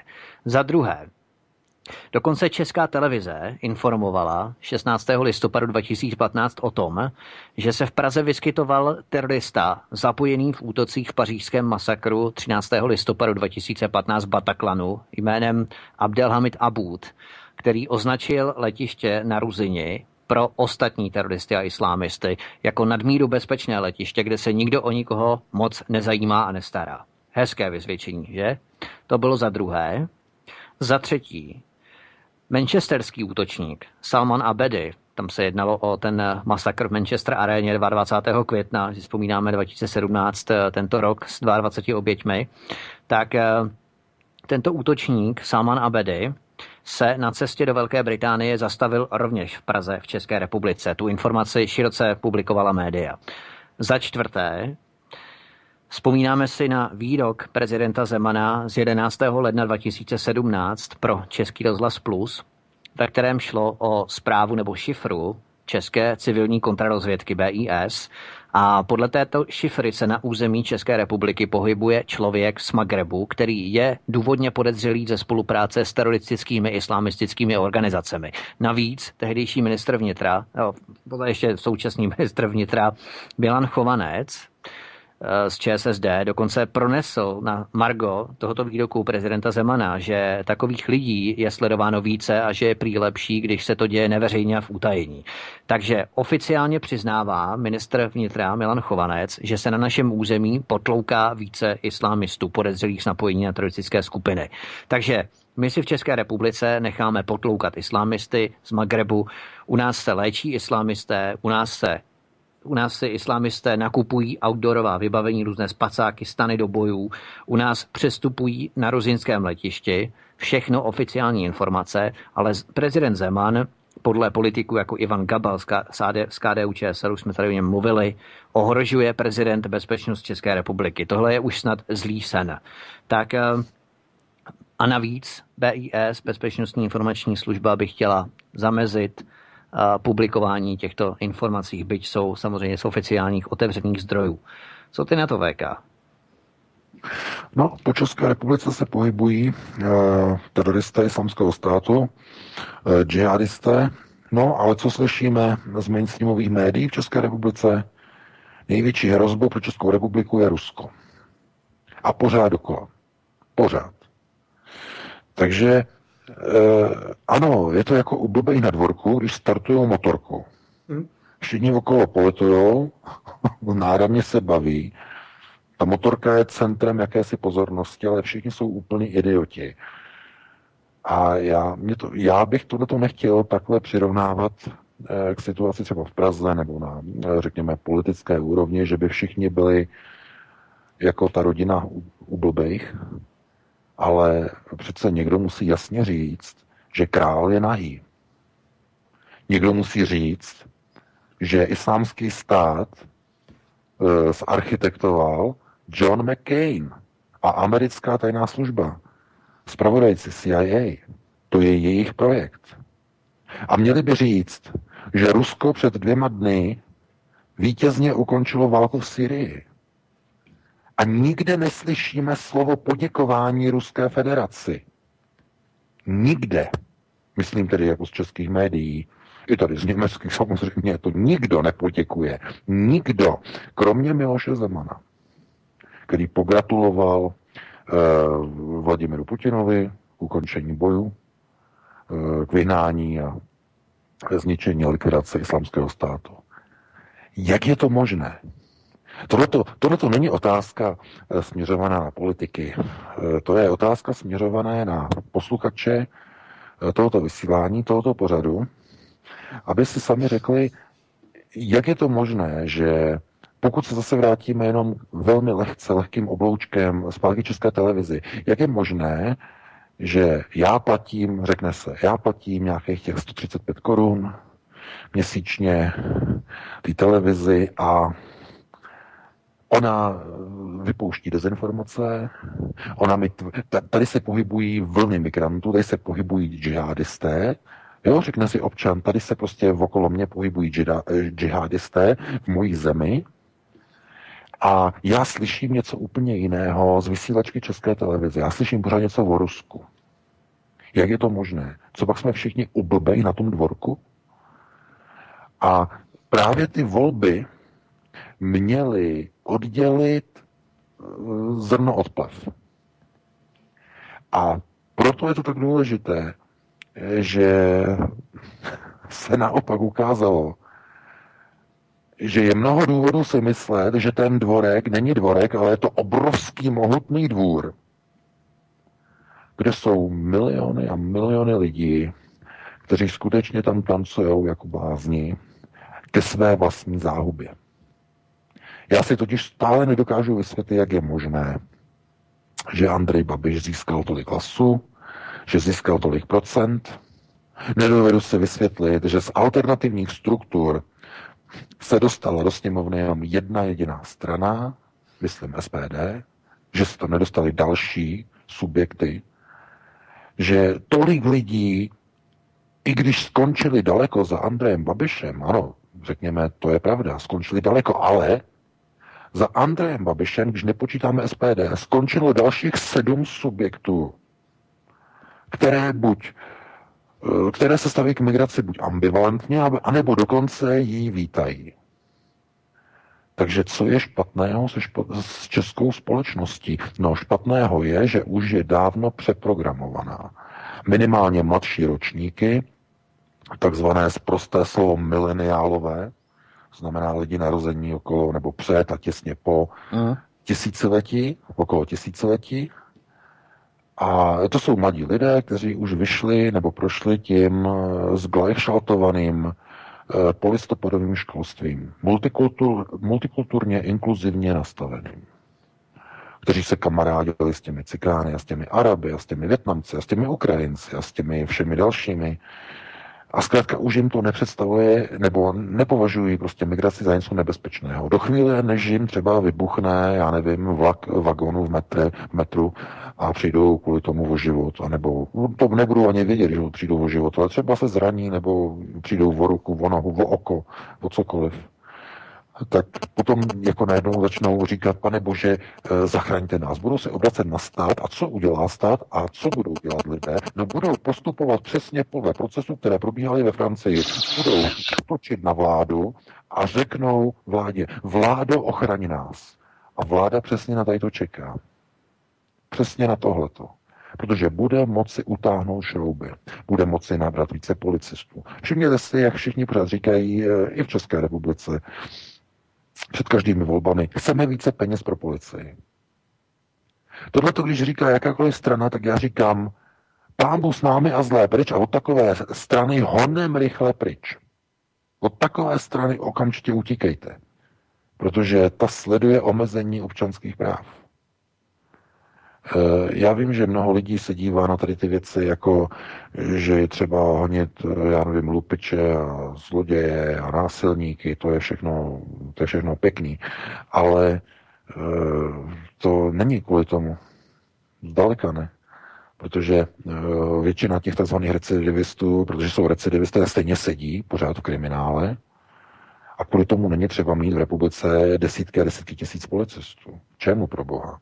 No kvůli tomu, aby byla udržená kontrola nad nějakým systémem. To znamená, aby byly stále kon- pod kontrolou lidé, aby nedošlo náhodou třeba k nějakým demonstracím, kde by lidé chtěli se do, do, domoci například svých práv. Když, když jsou lidé na svých právech e, umenčování, uzurpování. Jako například v různých problematických komunitách, v různý, na různých sídlištích, v, v severních Čechách, v Litvínově, ty kauzy, e, jak tam byly demonstrace, problémy. No a když tam byly demonstrace proti nepřizpůsobivým obyvatelům, proti cikánům, tak tam přišly tisíce policistů a obrátili se směr, směr, směrem čelem k místním obyvatelům, aby chránili problémové etnikum, aby chránili ty Romy, ty cikány tam. Takže Eh, ta, ten systém pokaždé, když vlastně někdo se cítí ohrožený, tak eh, hledá jakoby ochranu někde u systému, někde v režimu, což je naprosto špatně. Je to takové to ov, ovčí nastavení myšlení člověka nebo voličů. Však se podívejte na Francii, tam je to úplně krásně vidět. Eh, možná se zaregistrovali tu informaci, eh, že francouzská vláda řeší velký problém v poslední době. Bylo to i na mainstreamu, bylo to na iDnes.cz minulý týden článek, eh, že francouzská vláda řeší problém sebevražd policistů ve Francii. No, jenže už v tom článku, teď nevím, jestli to psal pan Manert, nebo, nebo nevím, od jakého autora to bylo, ale tam v tom článku zkrátka chyběl důvod toho, proč to tak je. Protože policistům v roce 2014 francouzská vláda sebrala zbraně. Nechala jim jenom paralizéry, které mají jenom jeden výstřel, mimochodem, jenom na jednu osobu. Jsou ty tasery. A nechala jim obušek. No a podívejte se na videa z hořících pařížských ulic a v Marseille, Eh, jak utíkají ti policisté? No, protože proč? No, protože nemají střelnou zbraň, nemůžou se bránit. No a e, ti e, muslimští mladíci, ti výtržníci, to, to dobře vědí, oni jsou ozbrojení, oni mají nože, oni mají zápalné lahve, molotov koktejly, takže policisté se cítí ohrožení na životě a e, tam je třeba to video vidět, nebo je tam krásně vidět to video, jak v té ulici ten policista, jak ho, jak ho do něho mlátí, Měli jsme to video i na Aeronetu. Oni do něho mlátí a on se vůbec nebrání, ten policista. On má sice nějaké ty chrániče, takové ty provizorní, a vůbec se nebrání, bojí se ohnat, aby je nerozčílil, ty výrostky muslimské. Rychle, honem rychle, zaleze do auta, a chce odjet a rychle odjíždí a oni mu stejně ještě těma baseballkama rozmlátí uh, v okno a uh, na autě a všechno a on potom rychle, rychle uh, ujíždí pryč. Zkrátka, to je anarchie. Bojí se zkrátka zasáhnout. No a teď si vezměte, že ten člověk je tady tomu stresu, ten policista je tomuto stresu vystavený každý den. Dělají mimochodem hodně přes času. A nemůžou dát výpověď u policie, protože mají e, profesní smlouvu, tam jsou potom, oni kdyby dali výpověď, tak přijdou o státem garantovaný důchod, francouzští policisté. Jo, oni nem to máte jako, myslím, i v české armádě je to stejné, že i myslím u policie, že máte nějaké výsluhy a když odejdete dřív, tak ztrácíte nárok. Takže on nemůže dát výpověď, on tam musí odsloužit dávný těch 10 let, No ale někdo to prostě nevydrží, někomu z toho přeskočí, protože každý den riskuje svůj život, každý den mu hrozí, že se nevrátí domů za svojí manželkou a svojema dětma. Takže, takže mu z toho přeskočí, neví kam, ví, že nemůže dát výpověď, přišel by o rentu, e, o výsluhy, přišel by o práci, byl by nezaměstnaný, neužil by rodinu, neuž, nesplatil by hypotéku, manželka by se s ním možná rozvedla. Ale práce, kterou dělá, je tak vysilující, že prostě ji psychicky nezvládá, každý den mu jde o život, takže je ve stresu, je v presu. No a tohle to každý psychiatr ví, co to znamená. Jestliže jste jakoby uh, od jedné zdi ke druhé a nemůžete se pohnout, no tak uh, lidé ztratí nervy, zkrátka upadnou do hluboké beznaděje, no a šáhnou si na život. No a potom jako se někdo diví, že prostě teď řeší francouzská vláda velké nebo velké procento sebevražd francouzských policistů. No tak samozřejmě. Když, nezach, když vláda nezajistí bezpečnost ani e, těm, kteří mají ten pořádek chránit, nebo tu bezpečnost, sebere jim ty zbraně, no tak se potom nemůže divit, že zkrátka dochází e, k takovým věcem, jako jsou sebevraždy francouzských policistů. No a já eh, se jenom dívám na to, že když eh, třeba co probíhá v Evropské unii, eh, omezení přístupu ke zbraním, aby lidé se k těm zbraním dostali ještě obtížněji než normálně. No proč? No, aby se nemohli bránit před těmi hordami muslimů, kteří jednoho dne skutečně zaplaví celou Evropu. Nebude to izolováno pouze na některé, eh, já nevím, města nebo velká města dnešní západní Evropy, ale postupně ti muslimové se rozlezou do celé západní a střední Evropy. A eh, co to bude potom znamenat? No, eh, mnoho lidí, kteří vyjdou a budou mladí a budou relativně mladí a vyjdou systém onoho nového školství, novosystémového školství, inkluze, no tak budou na tuto situaci navyklí. Protože když se podíváte na ta videa z Francie, tak si dobře všimněte, že tam ty auta zapalují nejenom muslimové, ale i normálně bílí francouzi, kteří jsou kámoši s těmi muslimy jsou kámoši ve zbrani a z jakého důvodu? No protože jak ti muslimové, jak ti mladí muslimové, tak i ti mladí bílí francouzi nemají práci. A spolu s, nasun, s nasunováním čtvrté průmyslové revoluce té práce bude ještě méně. To všichni víme, o tom jsme mluvili minulý týden. S tím, jak bude e, prosazována elektronizace státní zprávy, těch lidí bude ještě více, co budou bez práce. A nových lidí, nových studentů, kteří budou vycházet ze škol, bude ještě více a bude se prodlužovat odchod do důchodu. No a kde budou ti lidé zaměstnaní? Takže bude nepracujících a nezaměstnaných ještě více. Méně sociálních jistot. Až dojde ke zhroucení systému. Globalisté to vědí. Že dojde přetahování o zbývající zdroje. No a právě proto chtějí tady ten rozpad a rozvrat eh, nebo mu zabránit eh, tím systémem přerozdělování, té minimální mzdy, té nepodmíněné mzdy, nepodmíněného příjmu, aby bylo zabráněno eh, takzvané globální revoluci. Protože zatím, co jsme znali revoluce, jednotlivé revoluce, tak byly vždycky jenom lokální. To byla ruská revoluce, francouzská revoluce, americká revoluce, boj o nezávislost. Tak vždycky byly tyto revoluce izolovány. Ale v okamžiku, kdy dojde k něčemu, co říkají nebo nazývají globalisté globální revoluce, globální rozvrat eh, bezpečnosti, sociální bezpečnosti, tak v tom okamžiku zaniká civilizace, protože eh, nastane přetahování o zbývající zdroje v panickém úprku za přežitím.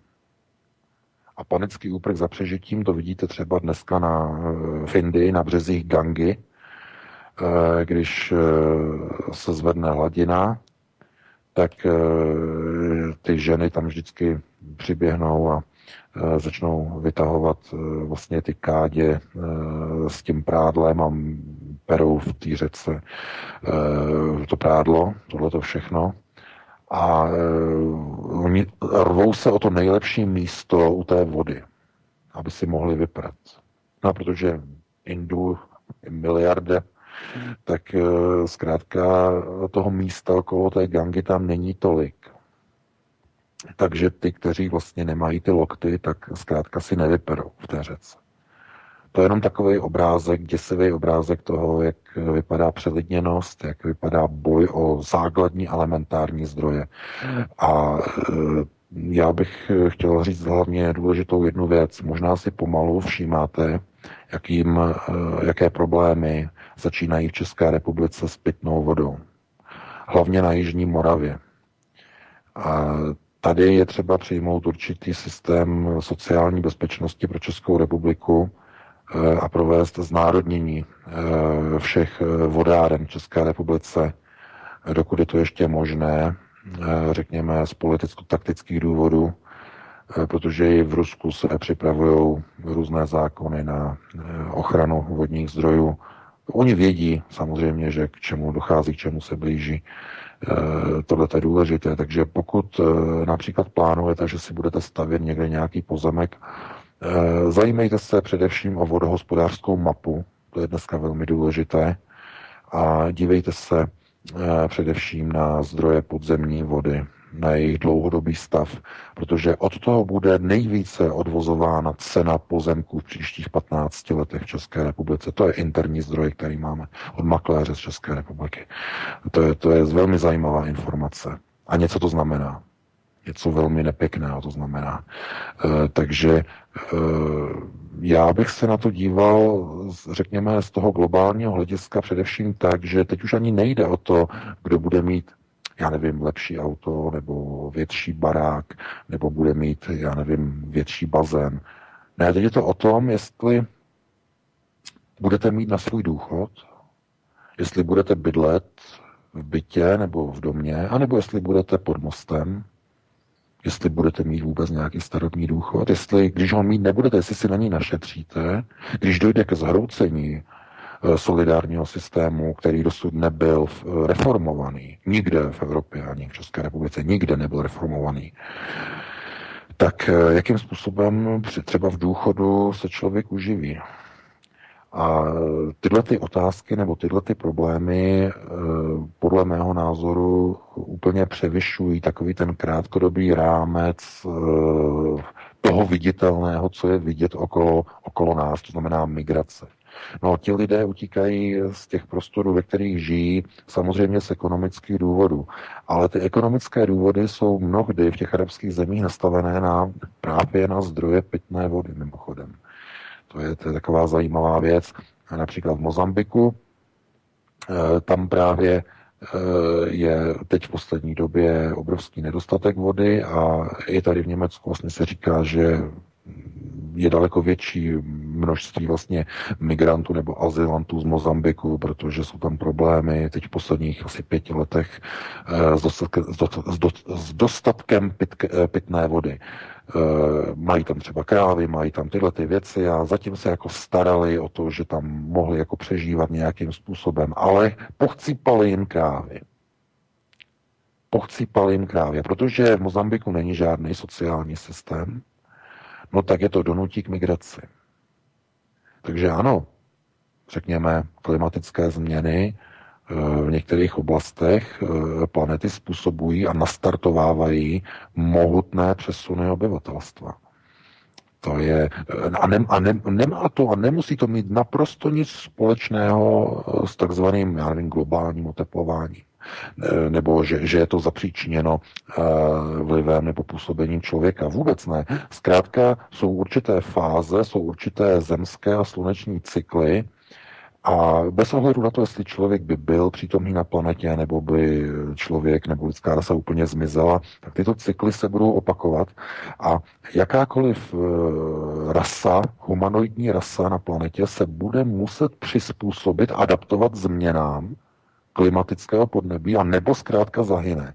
Protože když se podíváme na Darwinovu teorii a můžeme si o ní myslet cokoliv, jestli je validní nebo eh, je uměle nastavená, tak minimálně eh, v jedné věci má pravdu a vždycky přežívá nejsilnější druh, který se dokáže nejlépe adaptovat. Není to ten, který má největší zuby. Tygr šavozubý vymřel. Nedokázal se adaptovat. Stejně Tyrannosaurus rex nedokázal se adaptovat uh, vysokému obsahu oxidu uhličitého v atmosféře. Takže se udusil a popadali všichni po dopadu meteoritu a tak dále a tak dále. Eh, takže ta velikost nehraje roli, ale eh, zkrátka, když se dostane, dokáže organismus přizpůsobit změnám, tak přežije, já nevím, dlouhé, dlouhé celé věky a já nevím, geologické doby. E, dneska takové šampiony v přežívání e, známe a známe ze zoologických zahrad a z různých tropických oblastí, to jsou krokodýly. Jsou prehistorická zvířata. Stejně tak prehistorická zvířata jsou v obyčejní šváby, kteří mají odolnost dokonce i proti velmi vysoké radiaci. Takže dokázali se adaptovat a přežít jednotlivé geologické údobí nebo dlouhá geologická období. A e, teď je otázka, jestli člověk dokáže to samé. No a člověk není tak adaptabilní, takže se hledají cesty, o kterých víme, že to jsou cesty syndikátu směr nahoru, směr dolů a singularita e, do jiného nosiče vědomí to jsme o tom už jednou hovořili, eh, cesta nahoru, kterou zajišťuje eh, pro globalisty v současné době Elon Musk a konzorcium, které za ním stojí, finanční konzorcium. Eh, druhá cesta je směrem dolů. Tuto cestu ještě donedávna garantovali scientologové scientologická církev, nicméně tam je to teď trochu v jiné pozici. A právě třetí cesta, to je cesta toho absolutního nebo mm, technologického přežití, singularité, přenesení myšlení člověka do kybernetického organismu, zachování myšlení jako jediná entita člověka, entické, eh, eh, jediná v podstatě definice člověka je jeho, eh, jeho myšlení, jeho vědomí, které je přítomné v neurální síti v mozku. Bude snaha v příštích 20 letech určité prvky tohoto vědomí překopírovat do určitých kvantových systémů, to znamená, abyste si mohli povídat sami se sebou. To je, myslím, velmi důležité eh, pro rozvoj a schopnost přenesení lidského těla do počítače. Bude minimálně příští 20 let bude o tom, jakým způsobem nakopírovat do kvantových počítačů část vašeho vědomí, abyste se mohli skopírovat do eh, systému kybernetického organismu. Ale to by bylo na jinou diskuzi. Eh, já bych ti předal Vítku, aby, teda předal bych ti slovo Vítku, aby si k tomu také něco řekl, protože jsme se odklonili hodně, hodně od tématu. Ano, jasně, VK, já jenom uh, připomenu, že ohledně vodních zdrojů, vysychání vody v České republice, privatizaci vodáren a snaze o jejich návrat pod eh, státní zprávu nebo do rukou státních zpráv, jsem měl pořad s eh, vodohospodářem inženýrem Radkem Novotným, kterého Veolie mimochodem žaluje za způsobenou ztrátu zisků díky jeho aktivitám.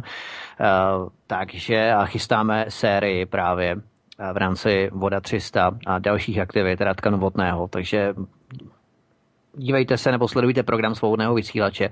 Určitě tam najdete více eh, o tomto chystaném pořadu, eh, protože to je velmi důležité téma, přesně tak. A dále, ty si tu zmínil tu Francii. Vzpomínáme si určitě na říjen 2016, kdy si policisté ve Francii, ve Francii vyšli do ulic, aby protestovali proti vlastní bezmocnosti. To už je vyloženě tragédie, když sami policisté demonstrují vlastní bezmoc. Eh, tam šlo v podstatě o to, že 14. října 2016 si policejní odbory hodně naštvaně stěžovaly na zranění dvou svých důstojníků v notoricky známé no-go zóně na jihu Paříže, když jim muslimové hodili do policejního auta molotovův koktejl. V tom zapáleném autě se potom dva důstojníci pomalu smažili k smrti, protože je 20 až 30 lidí drželo pasti, 20 až 30 muslimů, Arabů drželo v pasti a nedovolili jim utéct z toho hořícího vozu a vysvobodili až potom dva další policisté. Všichni čtyři utrpěli zranění, jeden důstojník byl převezen do nemocnice ve stavu na pokraji smrti. Uh, oni se v podstatě smažili v tom autě, ze kterého nemohli utéct a nemohli si jakkoliv bránit právě těmi střelnými zbraněmi a tak dále. A tehdy poprvé sami policisté vyšli do ulic, aby demonstrovali svou bezmoc z, nás, z násilí, kterému čelí a na prefektuře, francouzské prefektuře, policejní prefektuře nemají zastání. No a teď eh, začátkem února 2017 si taky vzpomínáme, eh, odehrálo se to v lokalitě eh, město 300, to je lokalita nechválně proslulá především díky všudy přítomným překupníkům drog. Tak tady policie zatkla tři muslimy, kde jeden z nich, známý jen pod jménem Teo, určitě si vzpomínáme na toho Tea eh, proslaveného, eh, ten obvinil policisty ze znásilnění, kde ho měl jeden policista znásilnit do konečníku obuškem a v jeho výpovědi pro televizní stanici BFM eh, to je taky nesmysl, protože mladík se při zatýkání choval velmi agresivně, ten muslim. Policistu praštil do obličeje, zásah obuškem byl vedený proti jeho nohám, aby nemohl kopat a zdravotní prohlídka potvrdila policejní verzi a všechny tyhle incidenty vyústily v pouliční války, peklo, molotovovy koktejly. Policie je filmována, jak jsou její příslušníci naháněni autem, jsou mláceni železními tyčemi a dokonce těžkými uh, balóny, to jsou takové ty kovové balóny z francouzské oblíbené hry Petang. Eh, jen na Valentína 14. 14. Eh, února bylo nahlášeno 47 zapálených policejních aut a o dva dny dřív to bylo 34 zapálených aut. Jo. Takže jestli, vážení policisté, pokud nás posloucháte, a co vy jistě posloucháte, tak jestli chcete takhle dopadnout, tak eh, určitě nás poslouchejte vaše velicí důstojníky, když nás budou chtít nějakým způsobem potlačit v rámci demonstrací a protestu právě proti tomuto stavu, aby u nás nebyla postupně tato realita běžným životním standardem. Ale já bych se přesunul teď k ke konsekvencím kolem pětidenní náštěvy Miloše Zemana, protože už máme jenom pár minut do celé v Rusku, ať jde o jeho setkání s Vladimírem Putinem v Soči, náštěvu Jekatěrimburgu nebo Moskvy. 140 podnikatelů v celkem třech letadlech podepsáno 9 kontraktů za 20 miliard korun. Prezident Zeman také vyznamenal veterány kteří se účastnili osvobození Československa za druhé světové války, poukazoval na překreslování, přepisování dějin, eh, kdy eh, v podstatě bývá tato role sovětské armády upozaďována.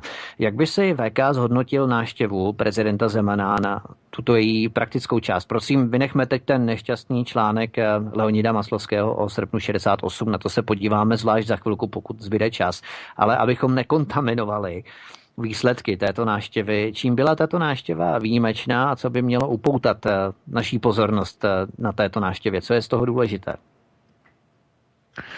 Eh, no, tak tam bylo vysláno příliš mnoho symbolů, to by, by bylo opravdu na velmi dlouhý pořád, na dlouhé spojování souvislostí.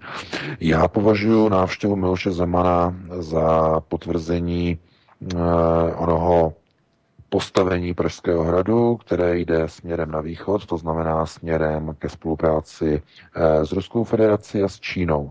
To je to potvrzení Miloše Zemana před nadcházející kandidaturou a eh, nadcházejícími volbami prezidenta České republiky eh, po novém roce. Takže Miloš Zeman si v podstatě nastavil minimálně mediální obraz takovým způsobem, že pomohl zajistit zakázky za téměř 20 miliard pro české podniky. To je to zásadní.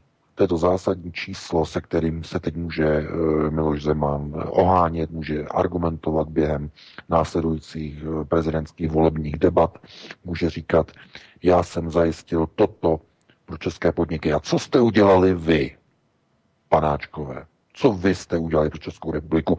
Kolik miliard korun, ze kterých budou profitovat české podniky, česká zaměstnanost?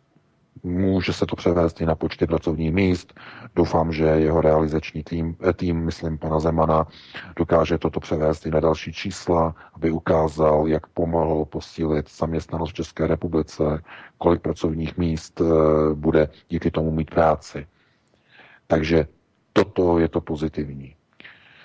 Eh, to negativní, co já tam vidím, tak je odpor oné zase opět české televize, havlistické fronty, eh, která se snaží devalvovat výsledek této eh, skutečně úspěšné pracovní cesty Miloše Zemana do Ruské federace takovým způsobem, aby pokud možno byla zdiskreditována nejenom koncová výsledovka celé návštěvy, ale především, aby byl zdiskreditován samotný Miloš Zemán jako někdo, kdo si dovolil v dnešní protiruské, hystericky nastavené společnosti v České republice, jak si mohl dovolit odjet na státní návštěvu Ruské federace a jak si mohl dovolit podávat si ruku s Vladimírem Putinem v Soči, eh, jak je to možné, kde se to bere, eh, že najednou eh, zkrátka si dovolí, já nevím, dva měsíce nebo tři měsíce před volbami zkrátka takovouhle cestu.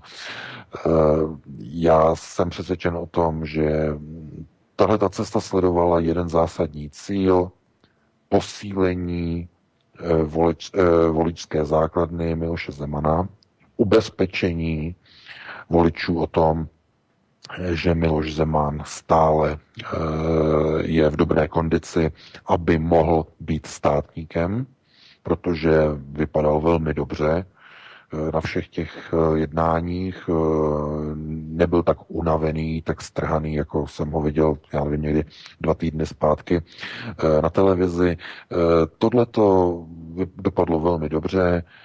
My se k tomu vrátíme, k tomu problematickému výroku v roku 68, to samozřejmě za chvíli, ale já kdybych měl ještě něco zhodnotit, tak bych především si všiml jedné věci, která mě trochu zarazila. A to byl právě ten, nebo bylo to, to setkání Miloše Zemana s Vladimirem Putinem v Soči. Tam totiž při tom povídání nebo řekněme při té tiskové konferenci, jak tam sedí u těch stolečků, eh, mi připadalo, že eh, Vladimir Putin eh, se velice, je velice otrávený a velice se nudí. Nevím, jak to připadlo někomu jinému, mně to připadalo, že se strašně nudí, že je neuvěřitelným způsobem otrávený. Já nevím, je možné, že měl jiné myšlenky nebo ho trápilo něco jiného Vladimira Putina, a nemělo to nic spojitého s tím, co říkal Miloš Zeman.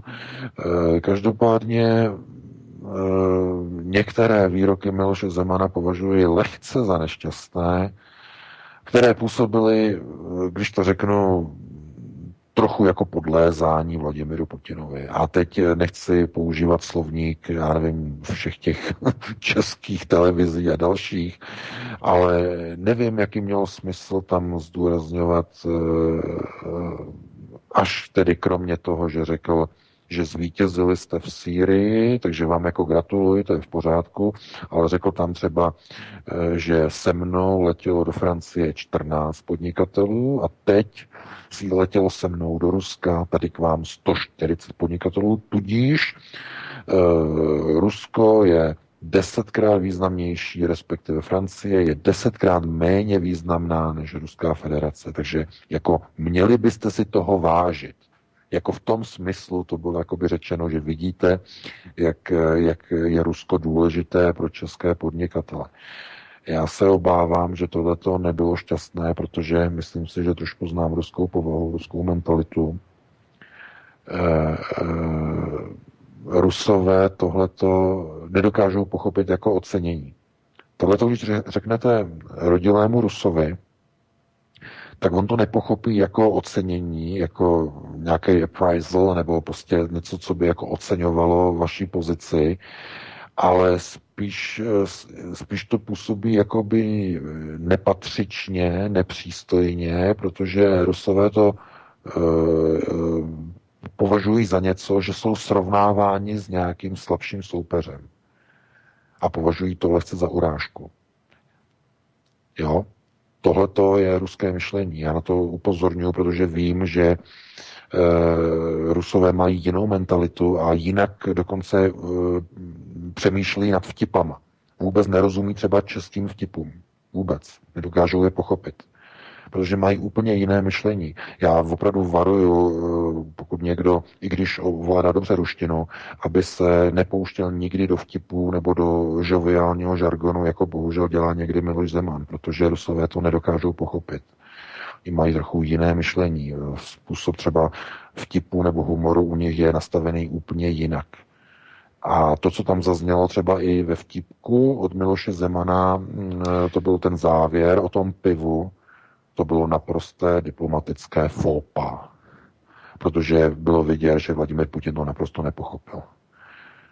Protože srovnávat nějaké pivo a jogurty ve vysoké diplomatické politice je diskreditace nejvyšší politiky, na kterou si Rusové strašně zakládají. Já nevím, jestli Miloš Zeman to ví tohleto, ale eh, Rusko se považuje za jednoho z hlavního garanta tzv. vysoké diplomacie mají na to dokonce prestižní školu, školský institut v Moskvě, MGIMO, eh, který přímo, tam se přímo učí diplomaté, mezinárodní diplomaté z, z více než stovky zemí světa, jak se dělá diplomacie a diplomacie se nestaví na úroveň piva ani jogurtu.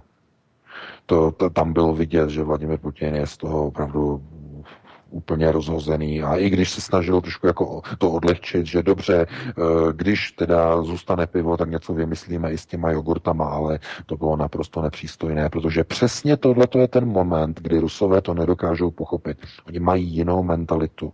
Já na to musím upozorňovat pořád, když uh, někde sleduju, někdo přijede do Moskvy a říká, já říkám, co to povídáš, tohle to vůbec před Rusama neříkej, to nemůžeš říkat takovéhle věci, oni to nepochopí, nikdy to nepochopí. E, jedeme linku montovat tohleto a prostě tam se s hlavním prostě šéfem mu tam něco vypráví prostě o, o, o, prostě o blondýnách. Já říkám, tohle to neříkej, to nemůžeš říkat, protože e, takhle oni, oni, oni mají jiný uvažování, mají úplně jiný myšlení. To, co je vtipné pro nás jako pro Čechy, e, tak je naprosto nepochopitelné a bizarní a nepřístojné prostě pro ty Rusy. Takže tak já, já, jestli, jsem, jestli jsem teda z něčeho trošku, trošku jako rozhozený, tak jsou prostě Eh, určité konotace, které mi tam prostě nevyzněly, které se do Ruska a do ruského prostředí rozhodně nehodí v žádném případě. Ale jinak, eh, co se týče z pohledu z České republiky, tak ta schůzka dopadla výborným způsobem, protože zakázky za téměř 20 miliard jsou tím hlavním úderným bodem, tím garančním mechanismem toho, že eh, Miloš Zeman si může naprosto jasně říct, já jsem dokázal zajistit pro občany a pro obyvatele a e, pro pracovníky v České republice tolik a tolik pracovních míst přepočteno na, e, na, e, na peníze nebo na pracovní místa, takže tohle to je to pozitivní. Tím by, bych to asi ukončil to zhodnocení minimálně z mé strany a dostali bychom se potom ještě i k tomu roku 68. Ano, ano, já jenom k tomu ruskému humoru, totiž já jsem dělal rozhovor asi před čtyřma měsíci s eh, profesorem na Moskevské univerzitě, on tam vyučoval eh, v rámci Ruska i s Bárou, která se rozhodla eh, přestěhovat za ním, Petr Vorotincev. A on mi vyprávěl takový ruský vtip, a který je velmi dobrý, ten se mi hodně líbil. Když volá Vladimír Putin Donaldu Trumpovi, on zvedne telefon a mu říká, tak, Donalde, víš, že my vám zabereme Aljašku, a Donald Trump říká, aha, tak to jsem nevěděl, já myslím, že jste zabrali Krym. Víš, jak se bude jmenovat ta Aljaška? Ice Cream. no, jasně, jasně. No, ale... Že oni mají ten ono. cynický, takový cynický, jo, smysl pro humor, akorát, že je... takové ty drobné niance oni nepochopí. Já bych to nenazval, já bych to nenazval cynický, já bych to nazval spíš sarkastický humor. Oni mají rádi sarkazmus jo, sarkazmus. A to je přesně ono, protože oni ví, že k čemu by to vedlo. To by vedlo naprosto totální anihilační válce, jo, ale tohle to takhle, takhle, jo, přesně jak to říkáš, tak oni to mají prostě jako ve zvyku, jako my bychom to třeba ani aby ani nepochopili. Já jsem slyšel několik, několik ruských vtipů, které nebudu tady vůbec citovat, protože mi vůbec nepřipadají vtipné. Dokonce jsem se přiznám, eh, teda smutně, ale vůbec jsem je ani nepochopil. A to jsem, potom jsem si nechal vysvětlit a jsem to konečně pochopil, ale mm, jak říkám, prostě jiná kultura. Jo, jiná kultura to zkrátka eh, nemůže, nemůže se aplikovat české švejkovské mm, myšlení takzvaných smějících se bestií na ruský ortodoxní diplomatický pragmatismus. Takhle bych to asi takhle řekl. Do vysoké politiky před ruskými diplomaty tohleto nikdy, nikdy nevytahovat nějaké vtípky, protože tam přes to vlak nejede. E, maximálně vtipy, takové ty neutrální vtipy o počasí. Dneska prší, ale mohlo by svítit slunce. A tomu se zasmějou. Jo, tomu se zasmějou. To, jako, jo, to je ten vrchol, vrchol povoleného diplomatického uh, vtipu, ano. který vůbec není vtipem. Je to, je to suchý, že to suší být nemůže, ale, ale eh, to, je ten, to je to, co je tolerováno. No, ale jak říkám, eh, Miloš Zeman je opravdu silně žoviální, on chce odlehčit atmosféru, všude mu to funguje, všude, to, všude mu to berou, ale Uh, já jsem si všiml, že on to zkoušel i na Číňany. Oni, ty jsou na to úplně stejný Číňani. Tam je to dokonce úplně, uh-huh. tam je to daleko dokonce ještě, bych řekl, ještě horší, Eh, to je, no, to je úplně... tam vůbec dokonce, oni to považují jako za nepřístojnost. Tam vůbec dokonce ani v tom protokolu říkají uh, no jokes, ne, žádné vtipy před Číňan, Číňanama, protože by to třeba špatně povol, uh, pochopili jako uh, znevážení pozice. Takhle, znevážení pozice. Protože oni, když tam jedete dělat jakýkoliv biznis, tak oni na vás pohlížejí z pozice toho, kdo žádá. Jo? Ano, ne kdo nabízí, ale kdo žádá. Žádat, že, jo, z pozice prosební, prosebníka, no. ano, z pozice prosebníka, že žádáte o jejich uh, jejich blahoskloné povolení k tomu, že můžete tam udělat nějaký biznis s nima, jo, že můžete, že můžete, že vám do toho dají nějaké peníze, nějakou investici, takže vy žádáte. Tam se vůbec nesmí tahat žádné, žádné žoviální, žádné věci.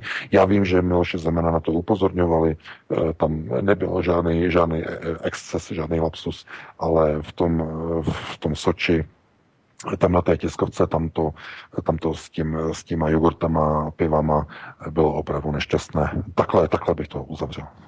Fajn. A ten 68. zvládneme třeba, když se na to někdo z posluchačů zeptá. Nebudeme zdržovat, máme celou hodinu. Jirko, dáme tam nějakou pauzu, 9-10 minut a potom bychom pokračovali. Já jenom budu reagovat eh, na sms která mi přišla od Romana z Loun. Romane, Romane, Jirka tady řekne telefonní čísla. Já nevím, jestli Studio Klatovy je právě v eh, tom odkazu studia, které máme na stránkách svobodný pomlčka vysílač.cz. Tam jsou studia, tam by mělo být uvedené i telefonní číslo na Studio Klatovy. A nevím, jestli tam to je, mělo by to tam být, ale Jirka samozřejmě ty telefon, ta telefonní čísla po písničkách oznámí, takže určitě, vážení posluchači, budete vidět, kam volat. Jirko? Ano, takže jsem připraven a nevím, jak to děláš, ale opět jsem připravil dvě písničky, které zaberou 9 minut, takže po 9 minutách Jasně. od Serio Tan Kiana, kdyby se vám to líbilo, Empty Walls a Money, takže za 9 minut přijdeme do třetí části, kde budou otázky a odpovědi na pana VK. Je to tak, Vítku? Je to přesně tak, je to přesně tak. Takže hezký večer a těšíme se na vaše dotazy. Nesmíme nechat řádit naše politiky jako americké tornádo. Nadělají více škody než užitku. Pokud nebudou dělat to, co si my lidé přejeme a za co my jsme je zvolili, Čeká je sladká budoucnost. Povězte ho vejš, ať se houpá, povězte ho vejš, ať má dost. Buďme humanisté a podejme jim záchrané lano, abychom jim jejich namáhavou činnost usnadnili. Nenechme je, aby houpali oni nás, ale aby se zhoupli i oni. Samozřejmě v houpačkách na pouti. pátek od 19 hodin přichází smršť událostí a informační nácest. Informační nácest. Každý pátek od 19 hodin šéf-redaktor z pravodejského portálu Ironet.cz pan VK krátký myšvy jeho atamanského vyčínku vypumpuje náš tlak na 158%. Vedoucí kolotoče. Ve společném programu na svobodném vysílači CS. CS. CS. Dobrý večer, stále posloucháte Svobodný vysílač CS, pořád s panem VK a Vítkem z Tapina Rádia a je tu třetí část otázky a odpovědi. Samozřejmě data můžete, řeknu data, jak, jak řekl Vítek před písničkama, 7, číslo telefonní je 775 085 304 a e-mail je studio.klatovina gmail.com, ale dost posluchačů už to vějí a už jsem dostal pár e-mailů, takže ale na začátek stejně předávám slovo Vítku, slyšíme se? Já děkuji, Jirko. Samozřejmě zdravíme po třetí, tebe, posluchači i pana VK. Já jenom eh, si nemůžu odpustit neříct na začátek tři hlavní věci kolem toho článku eh, Leonida Maslovského hledně srpna 68. Tak eh, jestli, vážní posluchači, můžete chviličku strpení v rámci telefonátů, tak jen za prvé, Vladimír Putin v Praze 1. března 2006 přejal morální odpovědnost za tuto událost způsobenou Sovětským svazem. On se omluvil při, eh, v rámci tiskovky s Václavem Klausem tehdy ještě 1. března 2006. Informační deficit mainstreamu je naprosto jasný, jednoznačný, nikde tato informace není zmíněna. Za druhé, v Rusku je celkem 219 kabelových programů, kanálů, a, ale česká extremistická pravice sleduje a monitoruje zrovna jakýsi kanál Krásná zvezda a zrovna ho pražská galérka sledovala v čase uveřejnění onoho článku na jejich serveru. Je celkem zajímavé sledovat, jaké divácké priority mají čeští novináři a extremističtí pravicoví politici. Já jim říkám extremističtí, protože mají tolik procent, že jsou na okraji politického spektra. Kdo je na okraji, ten je extremista, takže proto jsou extremističtí, jako Ivan Gabal, PH Kalousek a tak dále. A konečně za třetí evropské hodnoty, korporátní média, extremističtí pravicoví politici neustále vytýkají alternativě nám, že šíříme proruskou propagandu. Ale jediným, to si všimněte, vážení posluchači, jediným, kdo šíří proruské články, je aktuálně mainstream, který do zblbnutí opakuje znění článku z ruské televize Zvezda. Takže je hezké, jak se mainstream chytil do vlastní pasti, když oni sami šíří ruskou propagandu, šíří ruské články a z téhož obvinují alternativní spravodajské servery. Tak uh, Máme už eh, nějaký telefon, Jirko, nebo ještě nemáme? Zatím ne.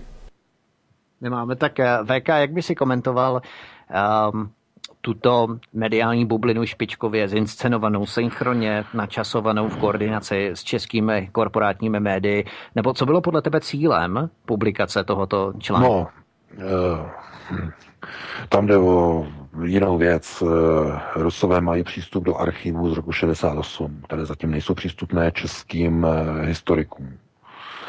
Tam totiž budou některé věci, které asi hodí granát do iluzí o roku a o srpnu 68. Eh, minimálně některé informace, které máme, tak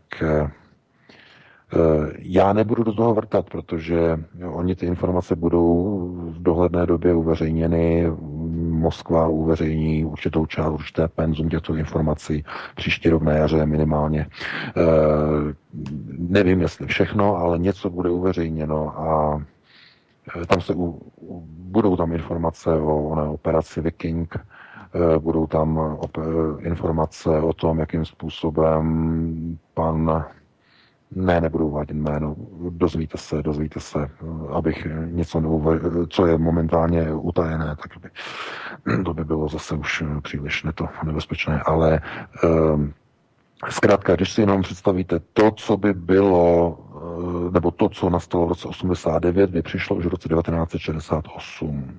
Ty procesy byly nastaveny tehdy tehdejším eh, výkonným politbirem UVKSČ, eh, pan, tehdy ještě okolo eh, nejenom pana Dubčeka, ale dalších politiků, nastavení na tehdejší podniky zahraničního obchodu, systémy plán tehdejšího ústředního výboru KSČ, na procesy takzvaného podmíněného výjezdního povolení pro podnikatelský sektor, pro, eh, pro maloživnostníky, což bylo v plánu, tehdejším akčním plánu. To jsou informace, které dneska ještě nemají ani informace, ani čeští historici. Eh, určité navracení majetku církvím v roce 68 už bylo chystáno. Tohle to všechno bude, bude uveřejněno a Eh, já se dívám na ten článek eh, z Hvězdy jako na článek, který popisuje předčasně některé informace, které zatím nebyly uveřejněny. Takhle opatrně se k tomu vyjádřím, protože no. já tady nechci někomu dělat nějaké iluze o roku 1968, nechci bourat představy o tom, jak tehdy všichni bojovali za svobodu. To v žádném případě ne. Jestli někdo tenkrát si myslel, že probíhaly některé procesy samovolně, odstavení pana Novotného, eh, systém útoku od poslechu rodiny pana Novotného prezidenta, od poslechy odposlouchávala STB, tehdy použila ho k tomu, aby odstoupil z funkce, aby byl odvolán. On nechtěl. Potom proběhlo hlasování, byl do čela zvolen pan Dubček. Už tehdy eh, STB pracovala na odstranění takzvaného tvrdého komunistického jádra. Eh, toto jádro požádalo o pomoc tehdejší eh, vedení v Moskvě eh, o pomoc o záchranu socialismu a eh, zkrátka ty procesy, které proběhly v roce 89, by proběhly už v roce 69 plánované na březen, duben, první privatizační vlna, září 1969 a tak dále, tak dále. Tyhle, ty, tyhle ty informace budou uveřejněny minimálně z ruských archivů v dohledné době zhruba několika let já věřím, že budou a že dostanou čeští historici přístup k některým zásadním informacím, ale stejně tak doufám, že budou mít odvahu ty informace publikovat, protože pokud by je pouze si přečetli a nepublikovali je, bylo by to velmi špatné. Tak máme telefon, Jirko. Takže uh, tam máme tady posluchače na telefonu, Pepa z Pardubic, můžete se zeptat. Pepa Pardubice, já bych měl jenom, mluvili jste o těch koncesionářských poplacích o televizi. Já vám můžu říct, že obdobná situace možná horší je v rádiu, protože jsem se zhrozil, když jsem po delší době potřeboval jsem něco dělat v dílně, abych se tam neviděl, jak jsem si pustil rádio. První, co tam bylo, tak o palestinském dítěti, který v utečeneckém táboře už třetí den hraje na kytaru, předtím ji nikdy nevidělo a v Evropě se na ní bude živit. Potom tam bylo o sudecký, o sudecký dívce, která trpěla ještě než normálně vůbec začala válka. Pak tam bylo Němci na Strahově, jak byli to. Pak tam byla matka s malýma dětma, kterou znásilnili, když jela přes středozemní moře. A takovýhle pořady jsou v rádiu. Já jsem poslouchal rádio, tohle jsou pořady za jedno odpoledne, podotýkám. Jo? To je neuvěřitelný. A to jsem takhle normálně nějaký ty obyčejný rádio, nevím, co, co jsem překroutil na tom, jo? A teď jsem chtěl k tomu, jak, jak tam Vítek říkal, jak Rusové lžou, jak oni jsou prolohaný, všechny zprávy jsou dezinformace a v článek, který se hodí, tak se tady mele od rána do večera. Jo, já jsem si to poznamenal teda dřív, než víte, tam něco podobného řekl. A měl bych ještě otázku. Mě by zajímalo, pan VK, kde jsou pozůstalí, kde jsou, nebo takhle, když, když je třeba, já nevím, nějaký masakr nebo i při dopravní nehodě, tak jsou, že jo, mrtví lidi a jsou těžce zranění lidi, kteří pak postupně ještě umírají. A je mně divný, že při všech masakrách vždycky stanu, nebo masakrech je vždycky stanovíno, kolik lidí bylo mrtvých na místě a potom ten počet je pořád stejný. A tam byly stovky a stovky těžce zraněných. A, a ty už se jako nezapočítávají, anebo tam žádný nebyli, a kde jsou pozůstalí od těch raněných lidí, nebo od těch mrtvých lidí. Jestli třeba pan VK by k tomuhle něco řekl. No, Mm, děkujeme já, já, já, jako to se týká jak, jaké události ti mrtví? Všech událostí všech událostí, všech těchto těch teroristických činů, které jsou. Těch, těch protože z Francie neslyším o poz... to, z Francie neslyším, že by třeba umřeli nějaký lidi, když tam bylo tolik těžce zraněných. A od, jde jenom o to, já třeba, třeba umřeli, ale proč, proč třeba, když už chtějí zdůrazňovat to, že tamhle třeba umřelo, já nevím, v Las Vegas třeba, nevím, 80 lidí, nebo já nevím kolik, proč třeba za pět dní neřeknou, už jich umřelo 90, už jich umřelo 100, když tvrdí, že jich tam bylo třeba já nevím, dalších třeba 100 těžce zraněných a dalších 100 třeba lehce zraněných, že jo, tak ta, to nějaký procento té mortality musí být mezi těma těžce zraněnýma. A už se ty čísla nikdy nezvedají. To se mi zdá prostě strašně divný. Aha, aha. No, děkujeme za dotazy. Každopádně ohledně toho českého rozhlasu, s tím se stotožňuju. Já český rozhlas také poslouchám Radio Plus anebo Radio Žurnál a přesně takovýhle, takovýhle reportáže jsou tam na denním pořádku, takže je to přesně tak. No. VK, povídej poslední věc, než bude pan Veka odpovídat. Já bych se musel zastat pana prezidenta Zemana v tom, protože tady došlo k dezinformaci ze strany VK. Pan prezident Zeman řekl, že přijdete o české dobré jogurty a síry a Putin dodal, když nám necháte pivo, tak možná si necháme i ty jogurty a síry vaše.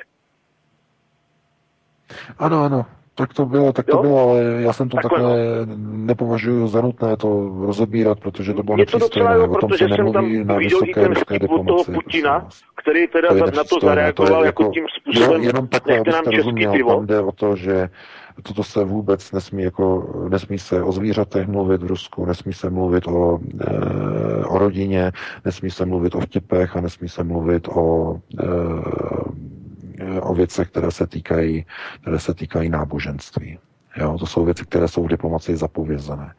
Takže e, já chápu, že Miloš Zeman se vždycky snaží odlehčovat, protože je to český vlastenec.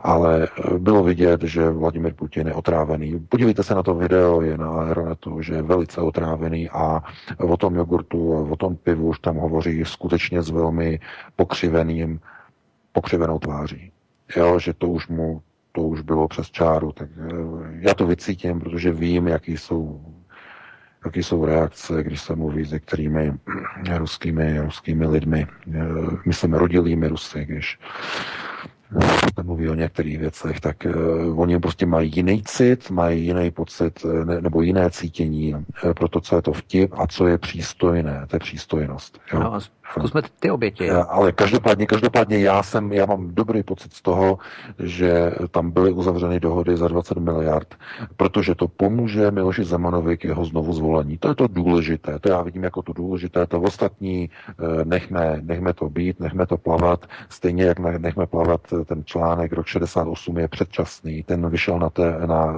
na té stanici Zvězda, na tom serveru předčasně. To nemělo vyjít, protože na to ještě není společnost připravená, aby se dokázala. Česká společnost není schopná, prosím vás, se podívat do tváře v reflexi na rok 89. Do, dnes, do dneška si lidé myslí, nebo většinová česká veřejnost si myslí, že to, byl spon, že to byla spontánní akce jakýchsi studentů. Pro Boha. Takže nemůžete po těch lidech chtít, aby se dokázali reflektovat a podívat se do zrcadla roku 68, co skutečně stálo za pučem proti prezidentu Novotnému, za jeho sledováním, za snahou ho odstavit od moci, takzvané staré komunistické křídlo, které doslova šlo o stranický puč. A jelikož odstavení lidé se nechtěli nechat od kormidla odstavit, tak kontaktovali Brežněva, vykreslili mu určitý obraz, že tady ten stát bude takto nastavený, bude v určitých intervalech, e, bude privatizován, bude, bude, budou vráceny církevní restituce. Do roku 74 se stane Československo e, partnerským státem Severoatlantické aliance, musíte zasáhnout. Takže to bylo, to byl boj, kdo z koho uvnitř komunistické strany. Já eh, vždycky říkám, lidé si e, vykreslují rok 68 jako něco fantastického. Pro boha, probuďte se. To byl boj mezi aparátčíky o převzetí moci v České republice, eh, v Československu. Boj mezi komunistickými aparátčíky. Jedni aparátčíci nechali na sobě model toho ortodoxního komunistického modelu stalinismu, nebo stalinistického modelu, to znamená budování socialismu proti západu, a druhy, druzí na sebe vzali lidskou tvář, ale se stejnými ideologickými komunistickými tezemi, které měly vést k privatizaci veřejného majetku. Takže ne, prosím vás, já vím, že mnoho lidí na alternativě to ví tohleto, ale pokud nás poslouchají, tak eh, stejně tak, jako si snad lidé dneska nedělají iluze o gloriole roku 89, snad nejsou tak slepí, tak si už vůbec nemůžou dělat iluze v roku 68. To nebylo hnutí za svobodu, prosím vás. To byl mocenský boj uvnitř ústředního výboru. E, KSČ tedy, byl přesný. Takže jenom takhle to určitým způsobem zaformátovat do určitého obrazu, e, protože lidé se to musí nějakým způsobem dozvědět, dozví, dozví se to v odpovídajícím čase, až na to budou připraveni. Zapomněli jsme na, na jednu věc. Eh, Vladimir Putin věnoval eh, zemský dekret eh, z roku, teď nevím kolik, 16. 1622. 1622. 1622 o originál tohoto dokumentu o státnosti nebo o zemském znovu ukotvení českých zemí. To je symbol to je symbol, zde je vaše země, zde je vaše země a tu zemi vy si musíte definovat v rámci vlastních hranic. Tady, teď já vám svěřuji, Vladimir Putin tím dal gesto. Tady, pane prezidente, já vám svěřuji osud nad vaší vlastní zemí. Zde máte ustanovení svých zemských hranic a něco s tím dělejte. To je symbol. On to nemohl říct na rovinu, udělejte něco s Českou republikou. Ne, on mu dal symbol. Tady vám svěřuji osud vaší vlastní země, slovanského národa. To je, to je symbol, toto propojení, které má napojení na ten song, na tu píseň, eh, která vzbudila takové, takové úplně, úplně pozdvižení, eh, jak ve Spojených státech, tak i v Evropské unii, eh, strýčku, tohleto stričku Vovo. Hm? No, stričku Vovo jsme s tebou. No tak tam je to, tam prostě ta slova jsou přesně tak zakomponována, že Blízký východ naříká, eh, že svět má, že světu došel, došla trpělivost s hegemonem, americký prezident byl zbaven moci, eh, že, že a co se stane s naší generací, děti tam zpívají, to jsou všechno slovanské národy. Do toho jede video, které je natočené eh, na, na mohyle nebo okolo mohyly ve Volgogradu, ta socha Matka Vlast, čili to jsou všechno, to je programovací video, které dá, ukotvuje eh, naprosto zásadní symboly křesťanství, toho, toho křesťanství toho základního systému kruhu, prvního kruhu rodiny, druhého kruhu a především třetího kruhu národa. Jo, eh, prostě mm, systém, systém ukotvení vůbec těch hlavních křesťanských hodnot. A e, Vladimir Putin předá prezidentovi sloven, slovanského národa dekret o uh, územním znovu ukotvení národa. E, sice historický dokument, ale je to symbol, je to předání do rukou, svěření do rukou. Tady máte, pane prezidente, osud svého národa. Zde vám ho předávám. Dívejte se na to, tak to byla znovu ukotvená státnost. Kdysi v historii kdysi v historii. Teď je úkolem, abyste tuto historii kopíroval do současnosti. Abyste se znovu zasadil o znovu ukotvení české státnosti, která bude odproštěna od neokonu, od amerického vlivu hegemona, bude odproštěna od Severoatlantické aliance a bude odproštěna od e, sebevražedného útěku a úprku pod velením amerických vojsk do vojenské konfrontace s matkou Rusy. Tohle to je vyslaný vzkaz. Takže no, eh, já to... to vidím jako naprosto jasný, jasný symbol, jako jasný symbol to vidím a věřím, že Miloš Zeman ho pochopil naprosto jasně. Nehledě k tomu, že v podstatě v tom 89. A kdo angažoval ten pochod z Albertova na Národní třív, tak to byla SSM, čili Socialistický, socialistický svaz mládeže. Ano, a, ano. Takže jestli si někdo myslí, že to bylo nějaké spontánní studentské hnutí, a, tak je na obyl v podstatě ten 68. Eh, ano. Ano, ano, je to přesně tak, protože rok 89 by nebyl bez komunistické strany Československa, bez jejího mládežnického křídla, socialistického svazu mládeže, které zorganizovalo tento pochod. To si zase nikdo neuvědomuje, nebo lidé se na to nepamatují. Lidé si myslí, že najednou studenti se rozhodli. pro, pro boha všichni vědí. To bylo organizováno SSM pod křídlem pana Mohority, tehdejšího šéfa SSM. Takže e, zase právě lidé zapomínají, protože už je to dlouho, nebo si vykreslili rok 68 jako něco, co je spontánního, ale e, puč, který nastal, výměna stráží, ten boj o moc uvnitř ústředního výboru, e, podzim 67, naprosto tragický, děsivý a potom jaro 68. Ano, tam má nejlepší informace KGB, která odposlouchávala všechny politiky ústředního výboru. Mají tam všechno, úplně všechny záznamy, přepisy z jejich domů, z jejich vil v Holešovicích. Eh, eh, pan Indra Bilak, Kolder, Piller, odposlechy přesně nastavené těchto politiků tehdejších roku 68, jakým způsobem prostě kritizovali situaci v Dubčekově, vládě Smrkovský, další. Eh, všichni byli odposloucháváni, všechno je zaznamenáno v ruských archivech a všechno je utajené.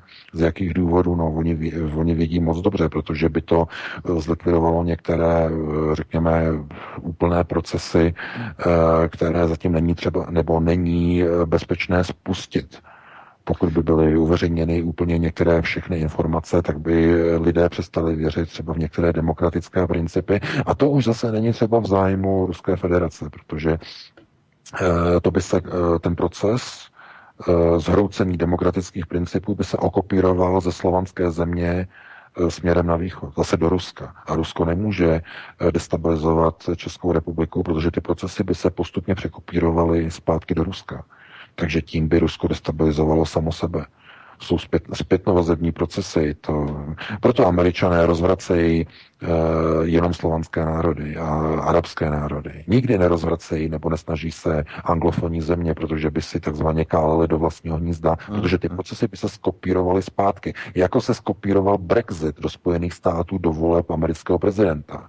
Vždycky, když máte jedny národy nebo jedno etnikum, tak i procesy, eh, které eh, vyvstanou v jedné zemi, kde je stejná kultura, tak se kopírují do dalších zemí stejně jako bezpečnostní prvky, eh, procesy, odpor proti migraci, globalizace a tak dále a tak dále. Eh, Tohle to by bylo zase úplně na jiné téma. Nicméně Rusko si nemůže dovolit destabilizovat slovanské země, protože to jsou eh, bezpečnostní spojenci Ruské federace. Já naprosto vidím, že všichni ti analytici všech těch evropských hodnot, že vůbec si neuvědomují, jaké jsou priority ruské zahraniční administrativy. To je maximální stabilizace slovanských zemí a přivedení těchto zemí k dialogu a zabránění konfrontaci a jejich e, hlubšímu propadnutí pod americkou, e, neoko, já tomu říkám neokoloniální moc. I když neok, neokonzervativci by takhle asi nechtěli o sobě mluvit, ale ano, jsou to kolonialisté. Američané se snaží vytvářet mocenské kolonie. E, takže já se na to dívám e, způsobem, že rok 68 Každopádně bude muset jednoho dne krásného eh, vyplout na povrch, ale nestane se tak dřív, dokud lidé nedokážou pochopit a nedokážou reflektovat to, co se stalo o 20 let později, v roce 60, v roce 89, protože ještě dneska lidé toho nejsou schopni. Eh, bude to zpětnovazební proces, který půjde zpátky, Nejprve se lidé budou muset vyrovnat s rokem 89, kdy si uvědomí, co proběhlo a teprve potom budou moci reflektovat rok 68, který zbourá daleko více skleněných zámků, bohužel. Tak, Jirko, máme další telefon. Je to divné, ale telefon nemám, ale mám tady dva e-maily. Jeden přišel před uh, vlastně třetí částí. Jsou to takové dvě poznámky a ta druhá poznámka je taková polootázka, takže jestli můžu. No, tak zkusme tu druhou poznámku. OK. Dobrý den, jen bych chtěl doplnit, že Afrika má dost velké zásoby podzemní sladké vody, kterou chtěl Muammar Kadáfi rozvést potrubím po Africe. Ale US Army a jiné a jiní to rozbombardovali. Dále pak můžou odsolovat mořskou vodu, jako například Dubaj, ale stojí to peníze a podle mě nemají podle mě nemají na zavodnění Afriky zájem. A pak, že můžu ještě vrtat hluboké studny, takže... Uh-huh. Ano, o tom mluvil i Jirka Kobza z SPD, přesně tak, eh, to je, to je pravda. Beka, máš k tomu něco? To je otázka eh, priorita financí a především ekonomiky. Eh, ocelování nebo proces syntet, uh, teda ne syntézy, ale osmózy. Ocelování mořské vody pomocí osmózy je velice náročný proces, finančně a energeticky, elektricky náročný. Uh, jsou k tomu potřeba elektrárny, ve velké míře mohutné elektrárny, které budou dodávat energii na ocelovací proces. Ehm, trvá to poměrně dlouho, není to vůbec nic rychlého, ta voda je velmi drahá, potom produkce jednoho hektolitru nebo jednoho metru krychlového vody je potom poměrně vysoká a ekonomicky se vyplatí jenom v bohatých zemích. Takže ehm, Afrika je země, která je zdrojová. Tam nemají lidé se mít dobře. Afrika je západními elitami určená jako zdrojový prostor který se vyčerpá a nikdo o ty lidi tam nezajímá. Tak, máme telefon. Tak, můžete jít do vysílání. Eh, dobrý večer, zdravím pana VK a zdravím všechny. Dobrý večer. Vás. A pana Vítka taky. Zdravím tady David, tu telefonu. A Dobrý večer, otázka, Davide, povídejte. Dobrý večer. je pro pana VK, vlastně už jsme u té Afriky, tak vyšla zpráva, že Irán pošle Eh, nějakou část flotily do Mexického zálivu. Tak jestli se k tomu může vyjádřit, protože já to beru čistě jako takovou propagandu. Jo, že budou dělat propagandu míru. Bylo jako Irán tak jako tak propaguje jako cesta míru. Takže jestli k tomu má nějaké info, třeba zbližší nebo vidět více informací, děkuji a budu poslouchat. Naschledanou. Mějte se hezky, Davide. Naschledanou, mějte se fajn. No, děkuji, děkuji. No, Irán, že vysílá do Mexického zálivu. Mexického, slyšel jsem dobře? Ano, do mexického. Do, já se potom zeptám na tu argentinskou ponorku, to je taky další věc. No, no, no, no. Uh, no, chápete, snaha jakýmsi způsobem provokovat Spojené státy, uh, tak Irán si to může dovolit, protože momentálně je pod ochranou globalistů. Uh, američtí neokoni se sice budou vstekat, oni se vstekají velmi hodně, ale momentálně jsou blokovaní, oni nemůžou dělat vůbec nic. Stejně tak Evropská unie podporuje Irán, Teherán, protože globalistické nastavení, euroazijsky nastavené. Eh, takže zatím eh, já to vidím jenom jako jakousi po dlouhé době takovou jakoby odvážnou provokaci Teheránu proti Spojeným státům, jak na to oni zareagují. No asi jim to nebude příjemné, spíš, ale nepřikládám k tomu nějaký, nějaký velký, eh, řekněme, já nevím, politický význam můžou tam poslat loď, američané tam pošlou nějakou, nějaké kontrolní plavidlo, budou, budou tam mezi sebou, já nevím, se sledovat a je to politika. Mm-hmm. Jinak VK nemáš nějaké informace ohledně té argentinské ponorky, jestli zatím není něco více, protože tam došlo k tomu, že byla vyslaná americká průzkumná loď, plavidlo, která detekovala, že tam evidentně došlo k výbuchu. Ta eh, ponorka argentinská vyslala těsně před eh, výpadkem informace, že jim zkratovala baterie a potom už se vůbec neozvali. Myslíš, že to je nehoda, nebo zatím, něco je, nebo zatím je něco víc?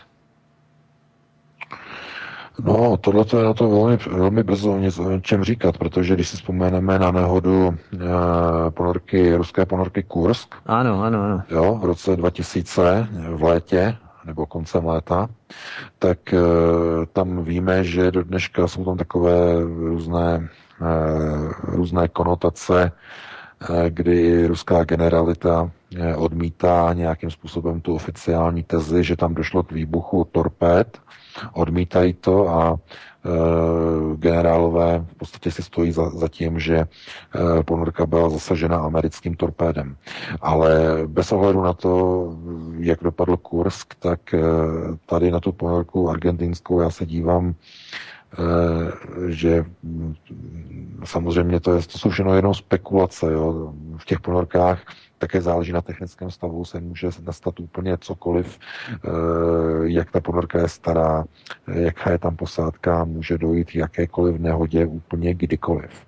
A Argentina zase není tak bohatá země. Nevím, jak je ta ponorka stará, ale nová asi určitě nebyla. Předpokládám, jestli víš, Vítku, jak byla stará ta ponorka. Ne, vůbec. Já vím jenom, že tam bylo 44 uh, námořníků posádky, ale mm. Nebylo, tam, nebylo tam nic specificky uvedeného. Možná jsem to spíš uh, nehledal ty informace, asi třeba je uváděli, jo, to nevím, to nevím. No jasně, jasně. No. Tady já nemám informace ani o tom. Zřejmě se jedná o diesel elektrickou ponorku. Ne, je to tak. Ano, ano, ano. Určitě atomovou se nejedná, no to ne. To by byl větší problém. No, no, no, no to, by, to, by byl, to by byl jiný poplach z toho. A tady ty diesel elektriky jejich stáří, no 30, 40 let, 50 let možná, eh, tam prostě může se nastat úplně cokoliv a já bych teď nerad prostě spekuloval, ale musíme si počkat, jestli ji najdou, protože Rusko nabídlo eh, průzkumnou loď, že, že se vydá do pátrání po ponorce, ale jak říkám, u starých ponorek, jestliže byla opravdu stará, tak eh, tam může dojít k jakékoliv poruše, která může mít naprosto katastrofální, katastrofální důsledky. Hmm. Tak, máme další telefon. Takže máme další posluchače, můžete se zeptat sám. Tady vysílání. No, dobrý den. Dobrý večer. Hon, no, dobrý večer. Tady je Honza, rozhodněn. Já mám takový přání, jestli mi to pan VK otázku. Já jsem tam četl v diskuzi, je to pod tím článkem o těch ruských, jak tam tabletních zpěv, myslíte. No a já jsem tam zjistil, jsem si to sám potom otevřel, ten příspěvek, a tak jsem tam zjistil šokující informace. Tam bylo napsáno v tom souboru, to byl vlastně sou, soubor do čo, to byl, že prostě tam byl prostě lobistická neziskovka působila na vládu a tam psali, že důchodci, to je šokující přímo, že důchodci, kteří zde neodpracují ani rok, to znamená azylanti a tak dále, budou mít zde průměrný důchod. Jo? Rozumíte mi? občaní, čeští občaní, si tady platí, třeba já nevím, protože já to nemají, tak, tak si platí na důchod prostě minimální částku. No a takže budou mít v důchodu, až do důchodu, budou mít tím pádem minimální důchod. A tihle ty lidi, až tam přijdou, třeba nějaký migrant bude mu 60 let, dostane průměrný důchod. To znamená, za mě v návrhu, v tom návrhu, že ty neziskovky je, že bude přesazen jako takzvaný invalida třetího stupně. Jo, to je tak, takzvaný migrant, teda migrant, člověk z mládí, jo, invalida z mládí. Mhm, děkujeme za dotaz. Mějte se Takže, hezky. To by na to řekl teda pán, jo, VK na tohle. Mhm. Mějte se tak hezky, na Také, také. No, VK, povídej. Jo, halo, slyšíme se? Jo, jo slyšíme? já tě slyším, já tě slyším. No, já jsem, já jsem, jsem chvilku jsem neslyšel, pár sekund. Jasně. Já bych na tady to chtěl říct, že tohle to jsou návrhy, eh, které mají řešit prostě sociální bezpečnost, o které jsem hovořil už asi v první hodině. Sociální bezpečnost, eh, to si můžete představit, o tom, jaké základní podmínky pro život a přežití člověka je třeba nastavit, aby jejich eh, nedostatek který se kumuluje do počtu lidí ve stejné situaci, nevedl k revoluci jak povstání. To je sociální bezpečnost.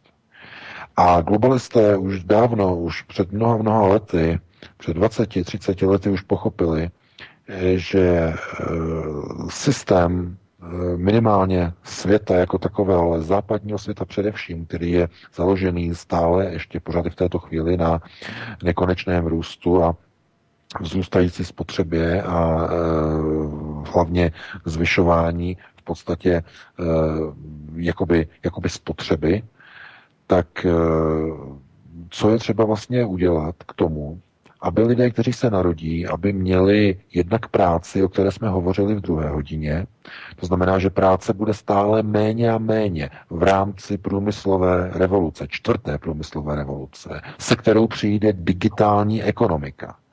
Eh, takže sociální bezpečnost musí být nějak nastavená. A logicky musí být nastavená i pro migranty, pokud je daný stát přijme. Pokud je Česká republika přijme, tak se musí o ně nějak postarat. Protože jinak způsobí sociální nestabilitu, sociální bezpečnost nebude zajištěná a dojde ke stejným událostem jako ve Francii, kde hoří e, auta, kde jsou napadáni policisté. To je Zkrátka to je, to je proces ode zdi ke zdi. Jo, nepřijmete migranty, jak se říká, nepřijmete migranty, nedostanete dávky, budou sankce od Evropské unie. Když chcete sociální systém, chcete evropské dotace, musíte přijmout migranty. Chcete být v Evropě, musíte přijmout migranty. Nepřijmete, nebudete v Evropské unii. A když se podíváte, jak dopadly volby, všichni chtějí být v Evropské unii, kromě, eh, kromě SPD. Takže tohle je jakoby začarovaný kruh, který mohli vyřešit voliči, při volbách nevyřešili. Naopak ten stav zabetonovali. Takže proto se hledají cesty, jakým způsobem ty migranty, kteří jsou nevyhnutelní v současné chvíli, jak já se na to dívám, je by se stalo nějaký zázrak, ale e, bude muset být sociální systém nastavený i pro ty migranty, bohužel. Bohužel. Tak eh, máme tu další telefon, Jirko. Ano, máme posluchačku, paní posluchačko, jdete do vysílání, můžete se zeptat. Dobrý den, pozdravujem zo Slovenska. Dobrý den, zdravíme na Slovensko. Ale dobrý ja den, dobrý den. ešte k tomu 10. roku povedať toľko, že teda nebola to dobrá udalosť, ale ešte som nikdy nepočula, aby sme si aj my ako Čechoslováci citovali svedomie, prečo sa to stalo pretože tam sa spravilo veľa chyb z, naši, z našej strany. Hej. To proste bolo obdobie, kedy to, čo chceli urobiť, na to neboli vhodné podmienky, hej, i pre, pre výzvy, proste predtým tie jednania všetky, my sme ich všetky ignorovali, proste sme si mysleli, že sme majstri sveta, je potrhnutý z ryťaze, áno? A v podstate nikdy vlastne sme si nepriznali, že my sme týmto že sme sa postupovali, zablokovali demokratický proces, proces nielen pre nás, ale pre aj iné národy v rámci toho e, tábora. Hej. To sme si nikdy nepriznali, že, že tam naši politici urobili obrovské chyby. To ja len toľko k tomu chcem povedať. No. Uh-huh. Ďakujem. Děkujeme. Děkujeme za dotaz. Zdravíme no, na děkujeme. Slovensko. Děkujeme. No, já s, tím, já s tím souhlasím, protože to nelze rozporovat. Eh, rok 68 byl vnitrostanickým pučem, respektive bojem o moc mezi dvěma křídly uvnitř ústředního výboru KSČ. A ten boj dopadl takovým způsobem, jaký dopadl. Jedna z těch skupin nakonec zvítězila s podporou sovětských, eh, východoněmeckých, polských vojáků, maďarských vojáků a bulharských vojáků. No a jako a výsledek z toho, no mohla stejně tak, mohla skončit nebo, nebo mohla zvítězit druhá strana. Eh, kdyby tehdy proběhl ten plán, který byl zamítnut, to znamená na eh, požádání, že by Dubčevková vláda požádala americké jednotky dislokované eh, tady v Německu, že by přijeli na pomoc, jenže to by byla spuštěna třetí světová válka, protože američané nechtěli vstoupit do frontového boje s ruskými tanky, s ruskými parašutisty na území Československa. To zkrátka bylo zamítnuto, nebylo to průchozí. A kdyby k tomu došlo, eh, nebo například preventivně by Dubčeková vláda pozvala americká vojska do Československa, tak by k tomu třeba nedošlo, té invazi a Československo by už v roce 68-69 eh, zůstalo, eh, zůstalo jakoby směrem na západě. Nicméně by to znamenalo, že procesy, které proběhly v Československu po roce 89, by proběhly už v roce 69. O 20 let dříve. Nic jiného, žádný jiný rozdíl by v tom nebyl. A situace, ve které jsme dnes, v jakési kocovině a v nastoupeném eh, kordonu směrem na útok na Rusko pod americkým velením v NATO bychom byli už o 20 let dříve. Je otázkou na to, jestli bychom byli za to rádi, nebo bychom byli ve stejné kocovině, jako jsme dneska. Já bych jenom doplnil, protože žádný telefon ještě nemáme, tak bych doplnil jeden, jednu z informací, že americká armáda zahájila 10.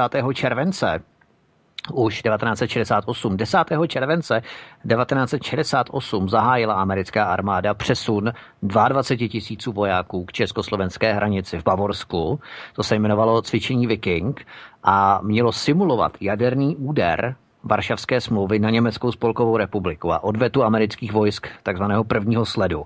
A pozoruhodná na tom je ta skutečnost, že sovětská strana nebyla o tom cvičení informovaná. To znamená, že ta operace probíhala v naprostém utajení a dodnes existují ty dokumenty, samozřejmě ty jsou utajené o tom cvičení Viking, americká armáda je odmítá odtajnit a z pohledu Moskvy tedy mohlo jít o přípravu na invazi amerických vojsk do Československa na pozvání Dubčekovy vlády, ale eh, ona o tom nemusela vědět v podstatě, protože um, tak je zajímavé, že se na Šumavě už od června 1968, další zdroje uh, informací, od června 68 se na Šumavě začali odstraňovat protitankové bariéry a stříhat ploty na vybraných místech s dobrým přístupem pro, pro kolovou no, pásovou techniku, armádní vozidla, takže se můžeme jenom domnívat, co doopravdy stálo za invazí vojsk Varšavské smlouvy do ČSSR tehdy. Ano, já, eh, tohle to je známe, to jsou známá fakta. Eh, Rusko nebo ruské velení nebo tehdejší eh, Brežněvova klika mohla mít spravodajské informace o tom, že v Dubčekově vládě existuje zvací dopis pro americká vojska. Je to možné.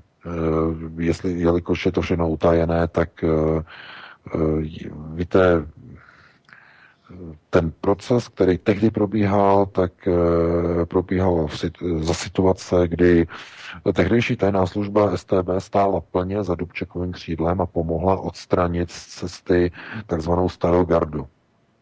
Celé kompletní křídlo prezidenta Novotného.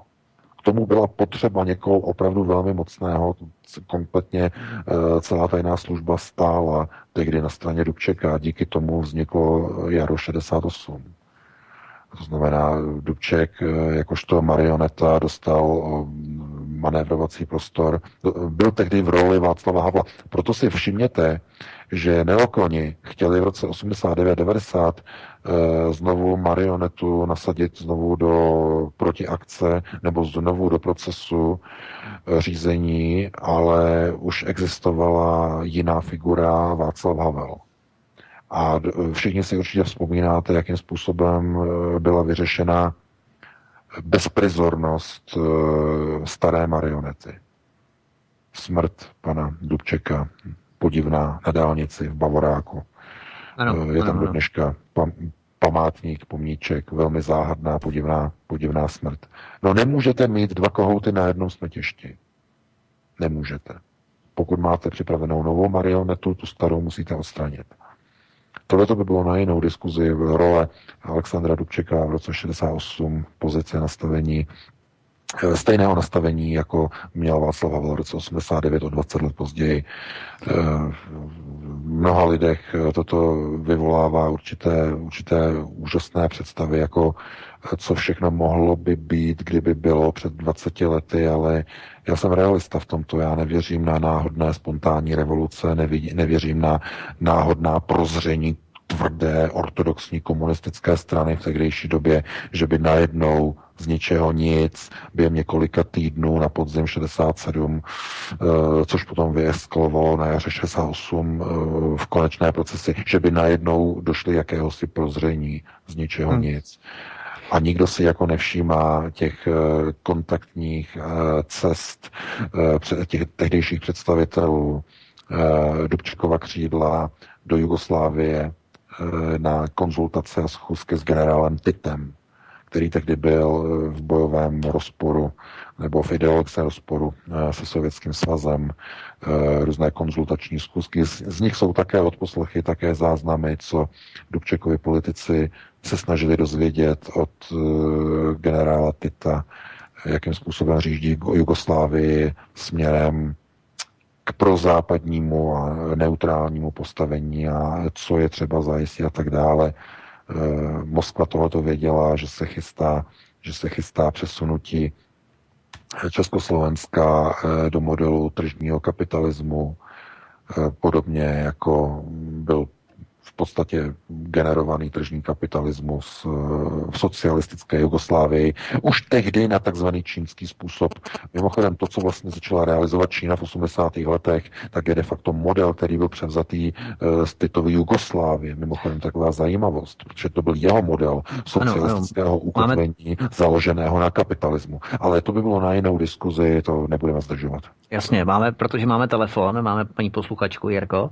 Ano, tady paní posluchačka už čeká delší, takže poslední telefonát, jdete do vysílání, můžete se zeptat? Hello? Ano, vítejte. Dobrý večer, pánové, tady Jana. Eh, prosím vás pěkně, pan VK o tom určitě bude vědět, ale myslím si, že u nás není ještě povědomí eh, rozšířené o nařízení z Evropské unie, které má platit 25. května 2018 už natvrdo.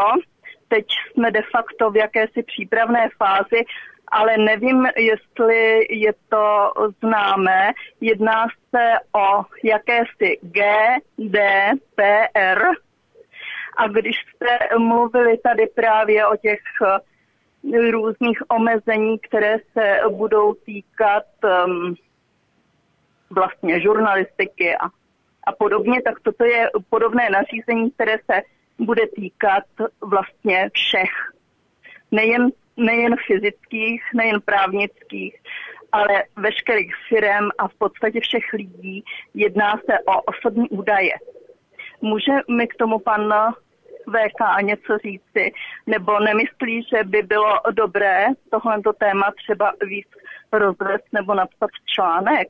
A jinak bych ještě chtěla říct ono je docela dost hezké říkat, že lidé nic nepochopili a nic nevědí, ale oni tě, lidi mají těch informací tak strašně málo oproti těm zkreslujícím, že dost těžko se můžou vyznat jen tak rychle, takže to je snad jenom moje poznámka k tomu, že nejsme snad no, tak hloupí, ale těch informací je málo. Jinak děkuji moc za vaši práci a přeju hezký večer.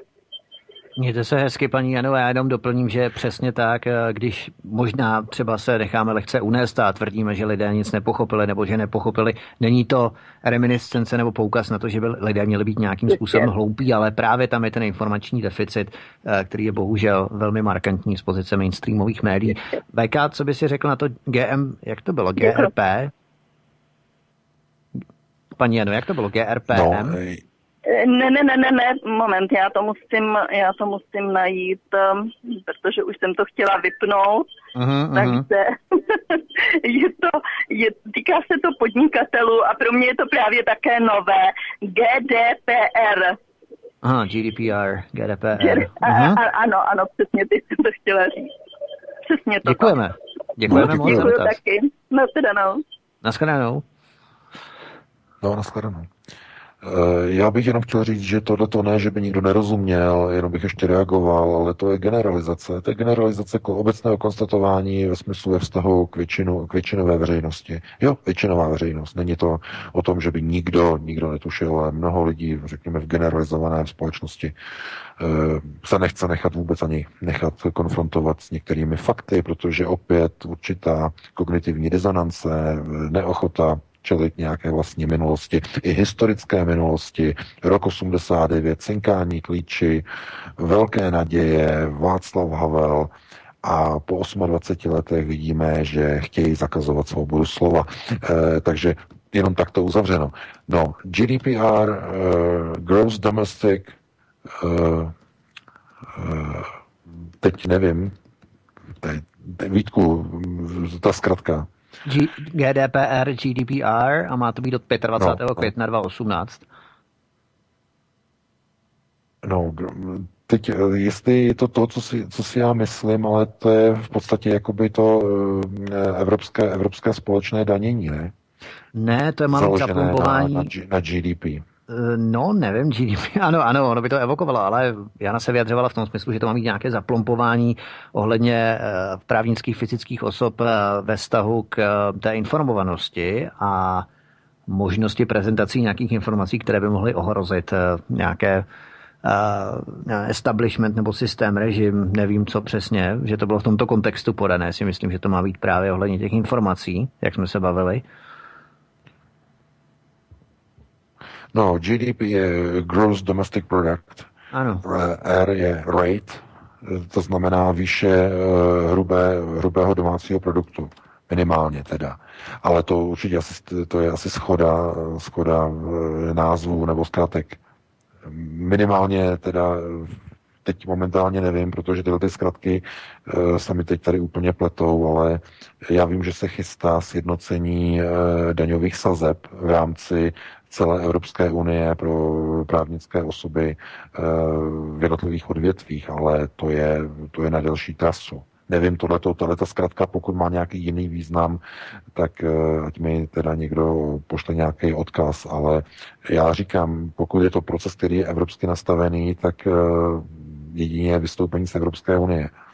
Eh, momentálně v poslanecké sněmovně je 10,6 eh, hlasů eh, v podobě SPD a to je všechno. Jinak všichni ostatní chtějí v Evropské unii mermo mocí zůstat.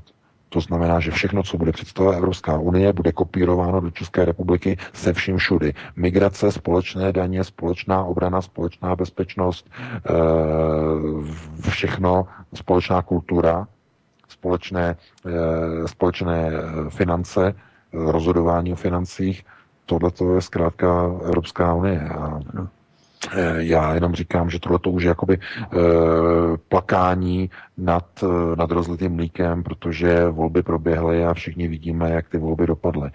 Já bych spíš tady hledal otázku nebo odpověď na otázku, jak je možné, že lidi v České republice tak hlasovali, jak hlasovali. Proč nehlasovali třeba podobně jako ve Velké Británii v rámci Brexitu. Ale to možná bychom tu odpověď znali. V České republice ještě není tak špatně a lidé ještě ne, neryjí těmi ústy v zemi, není tam tolik islámu, není tam tolik problémů a e, tolik sociálního pnutí, aby to dohnalo lidi k nějakému skutečně alternativnímu hlasování pro alternativu ve volbách. Hmm. Tak, my vám, vážení posluchači, moc děkujeme za vaše dotazy a budeme pomalu končit. Jirko? Ano, samozřejmě, jsem tu. Ano, tak eh, my bychom se s vámi rozloučili, my vám děkujeme za váš poslech, byl opravdu ohromný na Facebooku, na YouTube, eh, i na videu, na SVTV, i v rádiu jako takovém, takže velmi vám děkujeme, budeme rádi, když nám příště budete volat, když nám budete poslouchat a eh, samozřejmě i nás sdílet naše pořady, články v Aeronetu, pořady ze svobodného vysílače dalším vašim kamarádům, přátelům, známým, abychom se dostali do povědomí co nejširšího spektra českých obyvatel, eh, protože ty časy zdá se, že pokud se nepostavíme všichni jako jeden muž, veškerá alternativní mediální scéna, tak eh, nás čekají velmi kruté časy příští rok. Eh, VK, ještě máš poslední slovo, máš něco k tomu?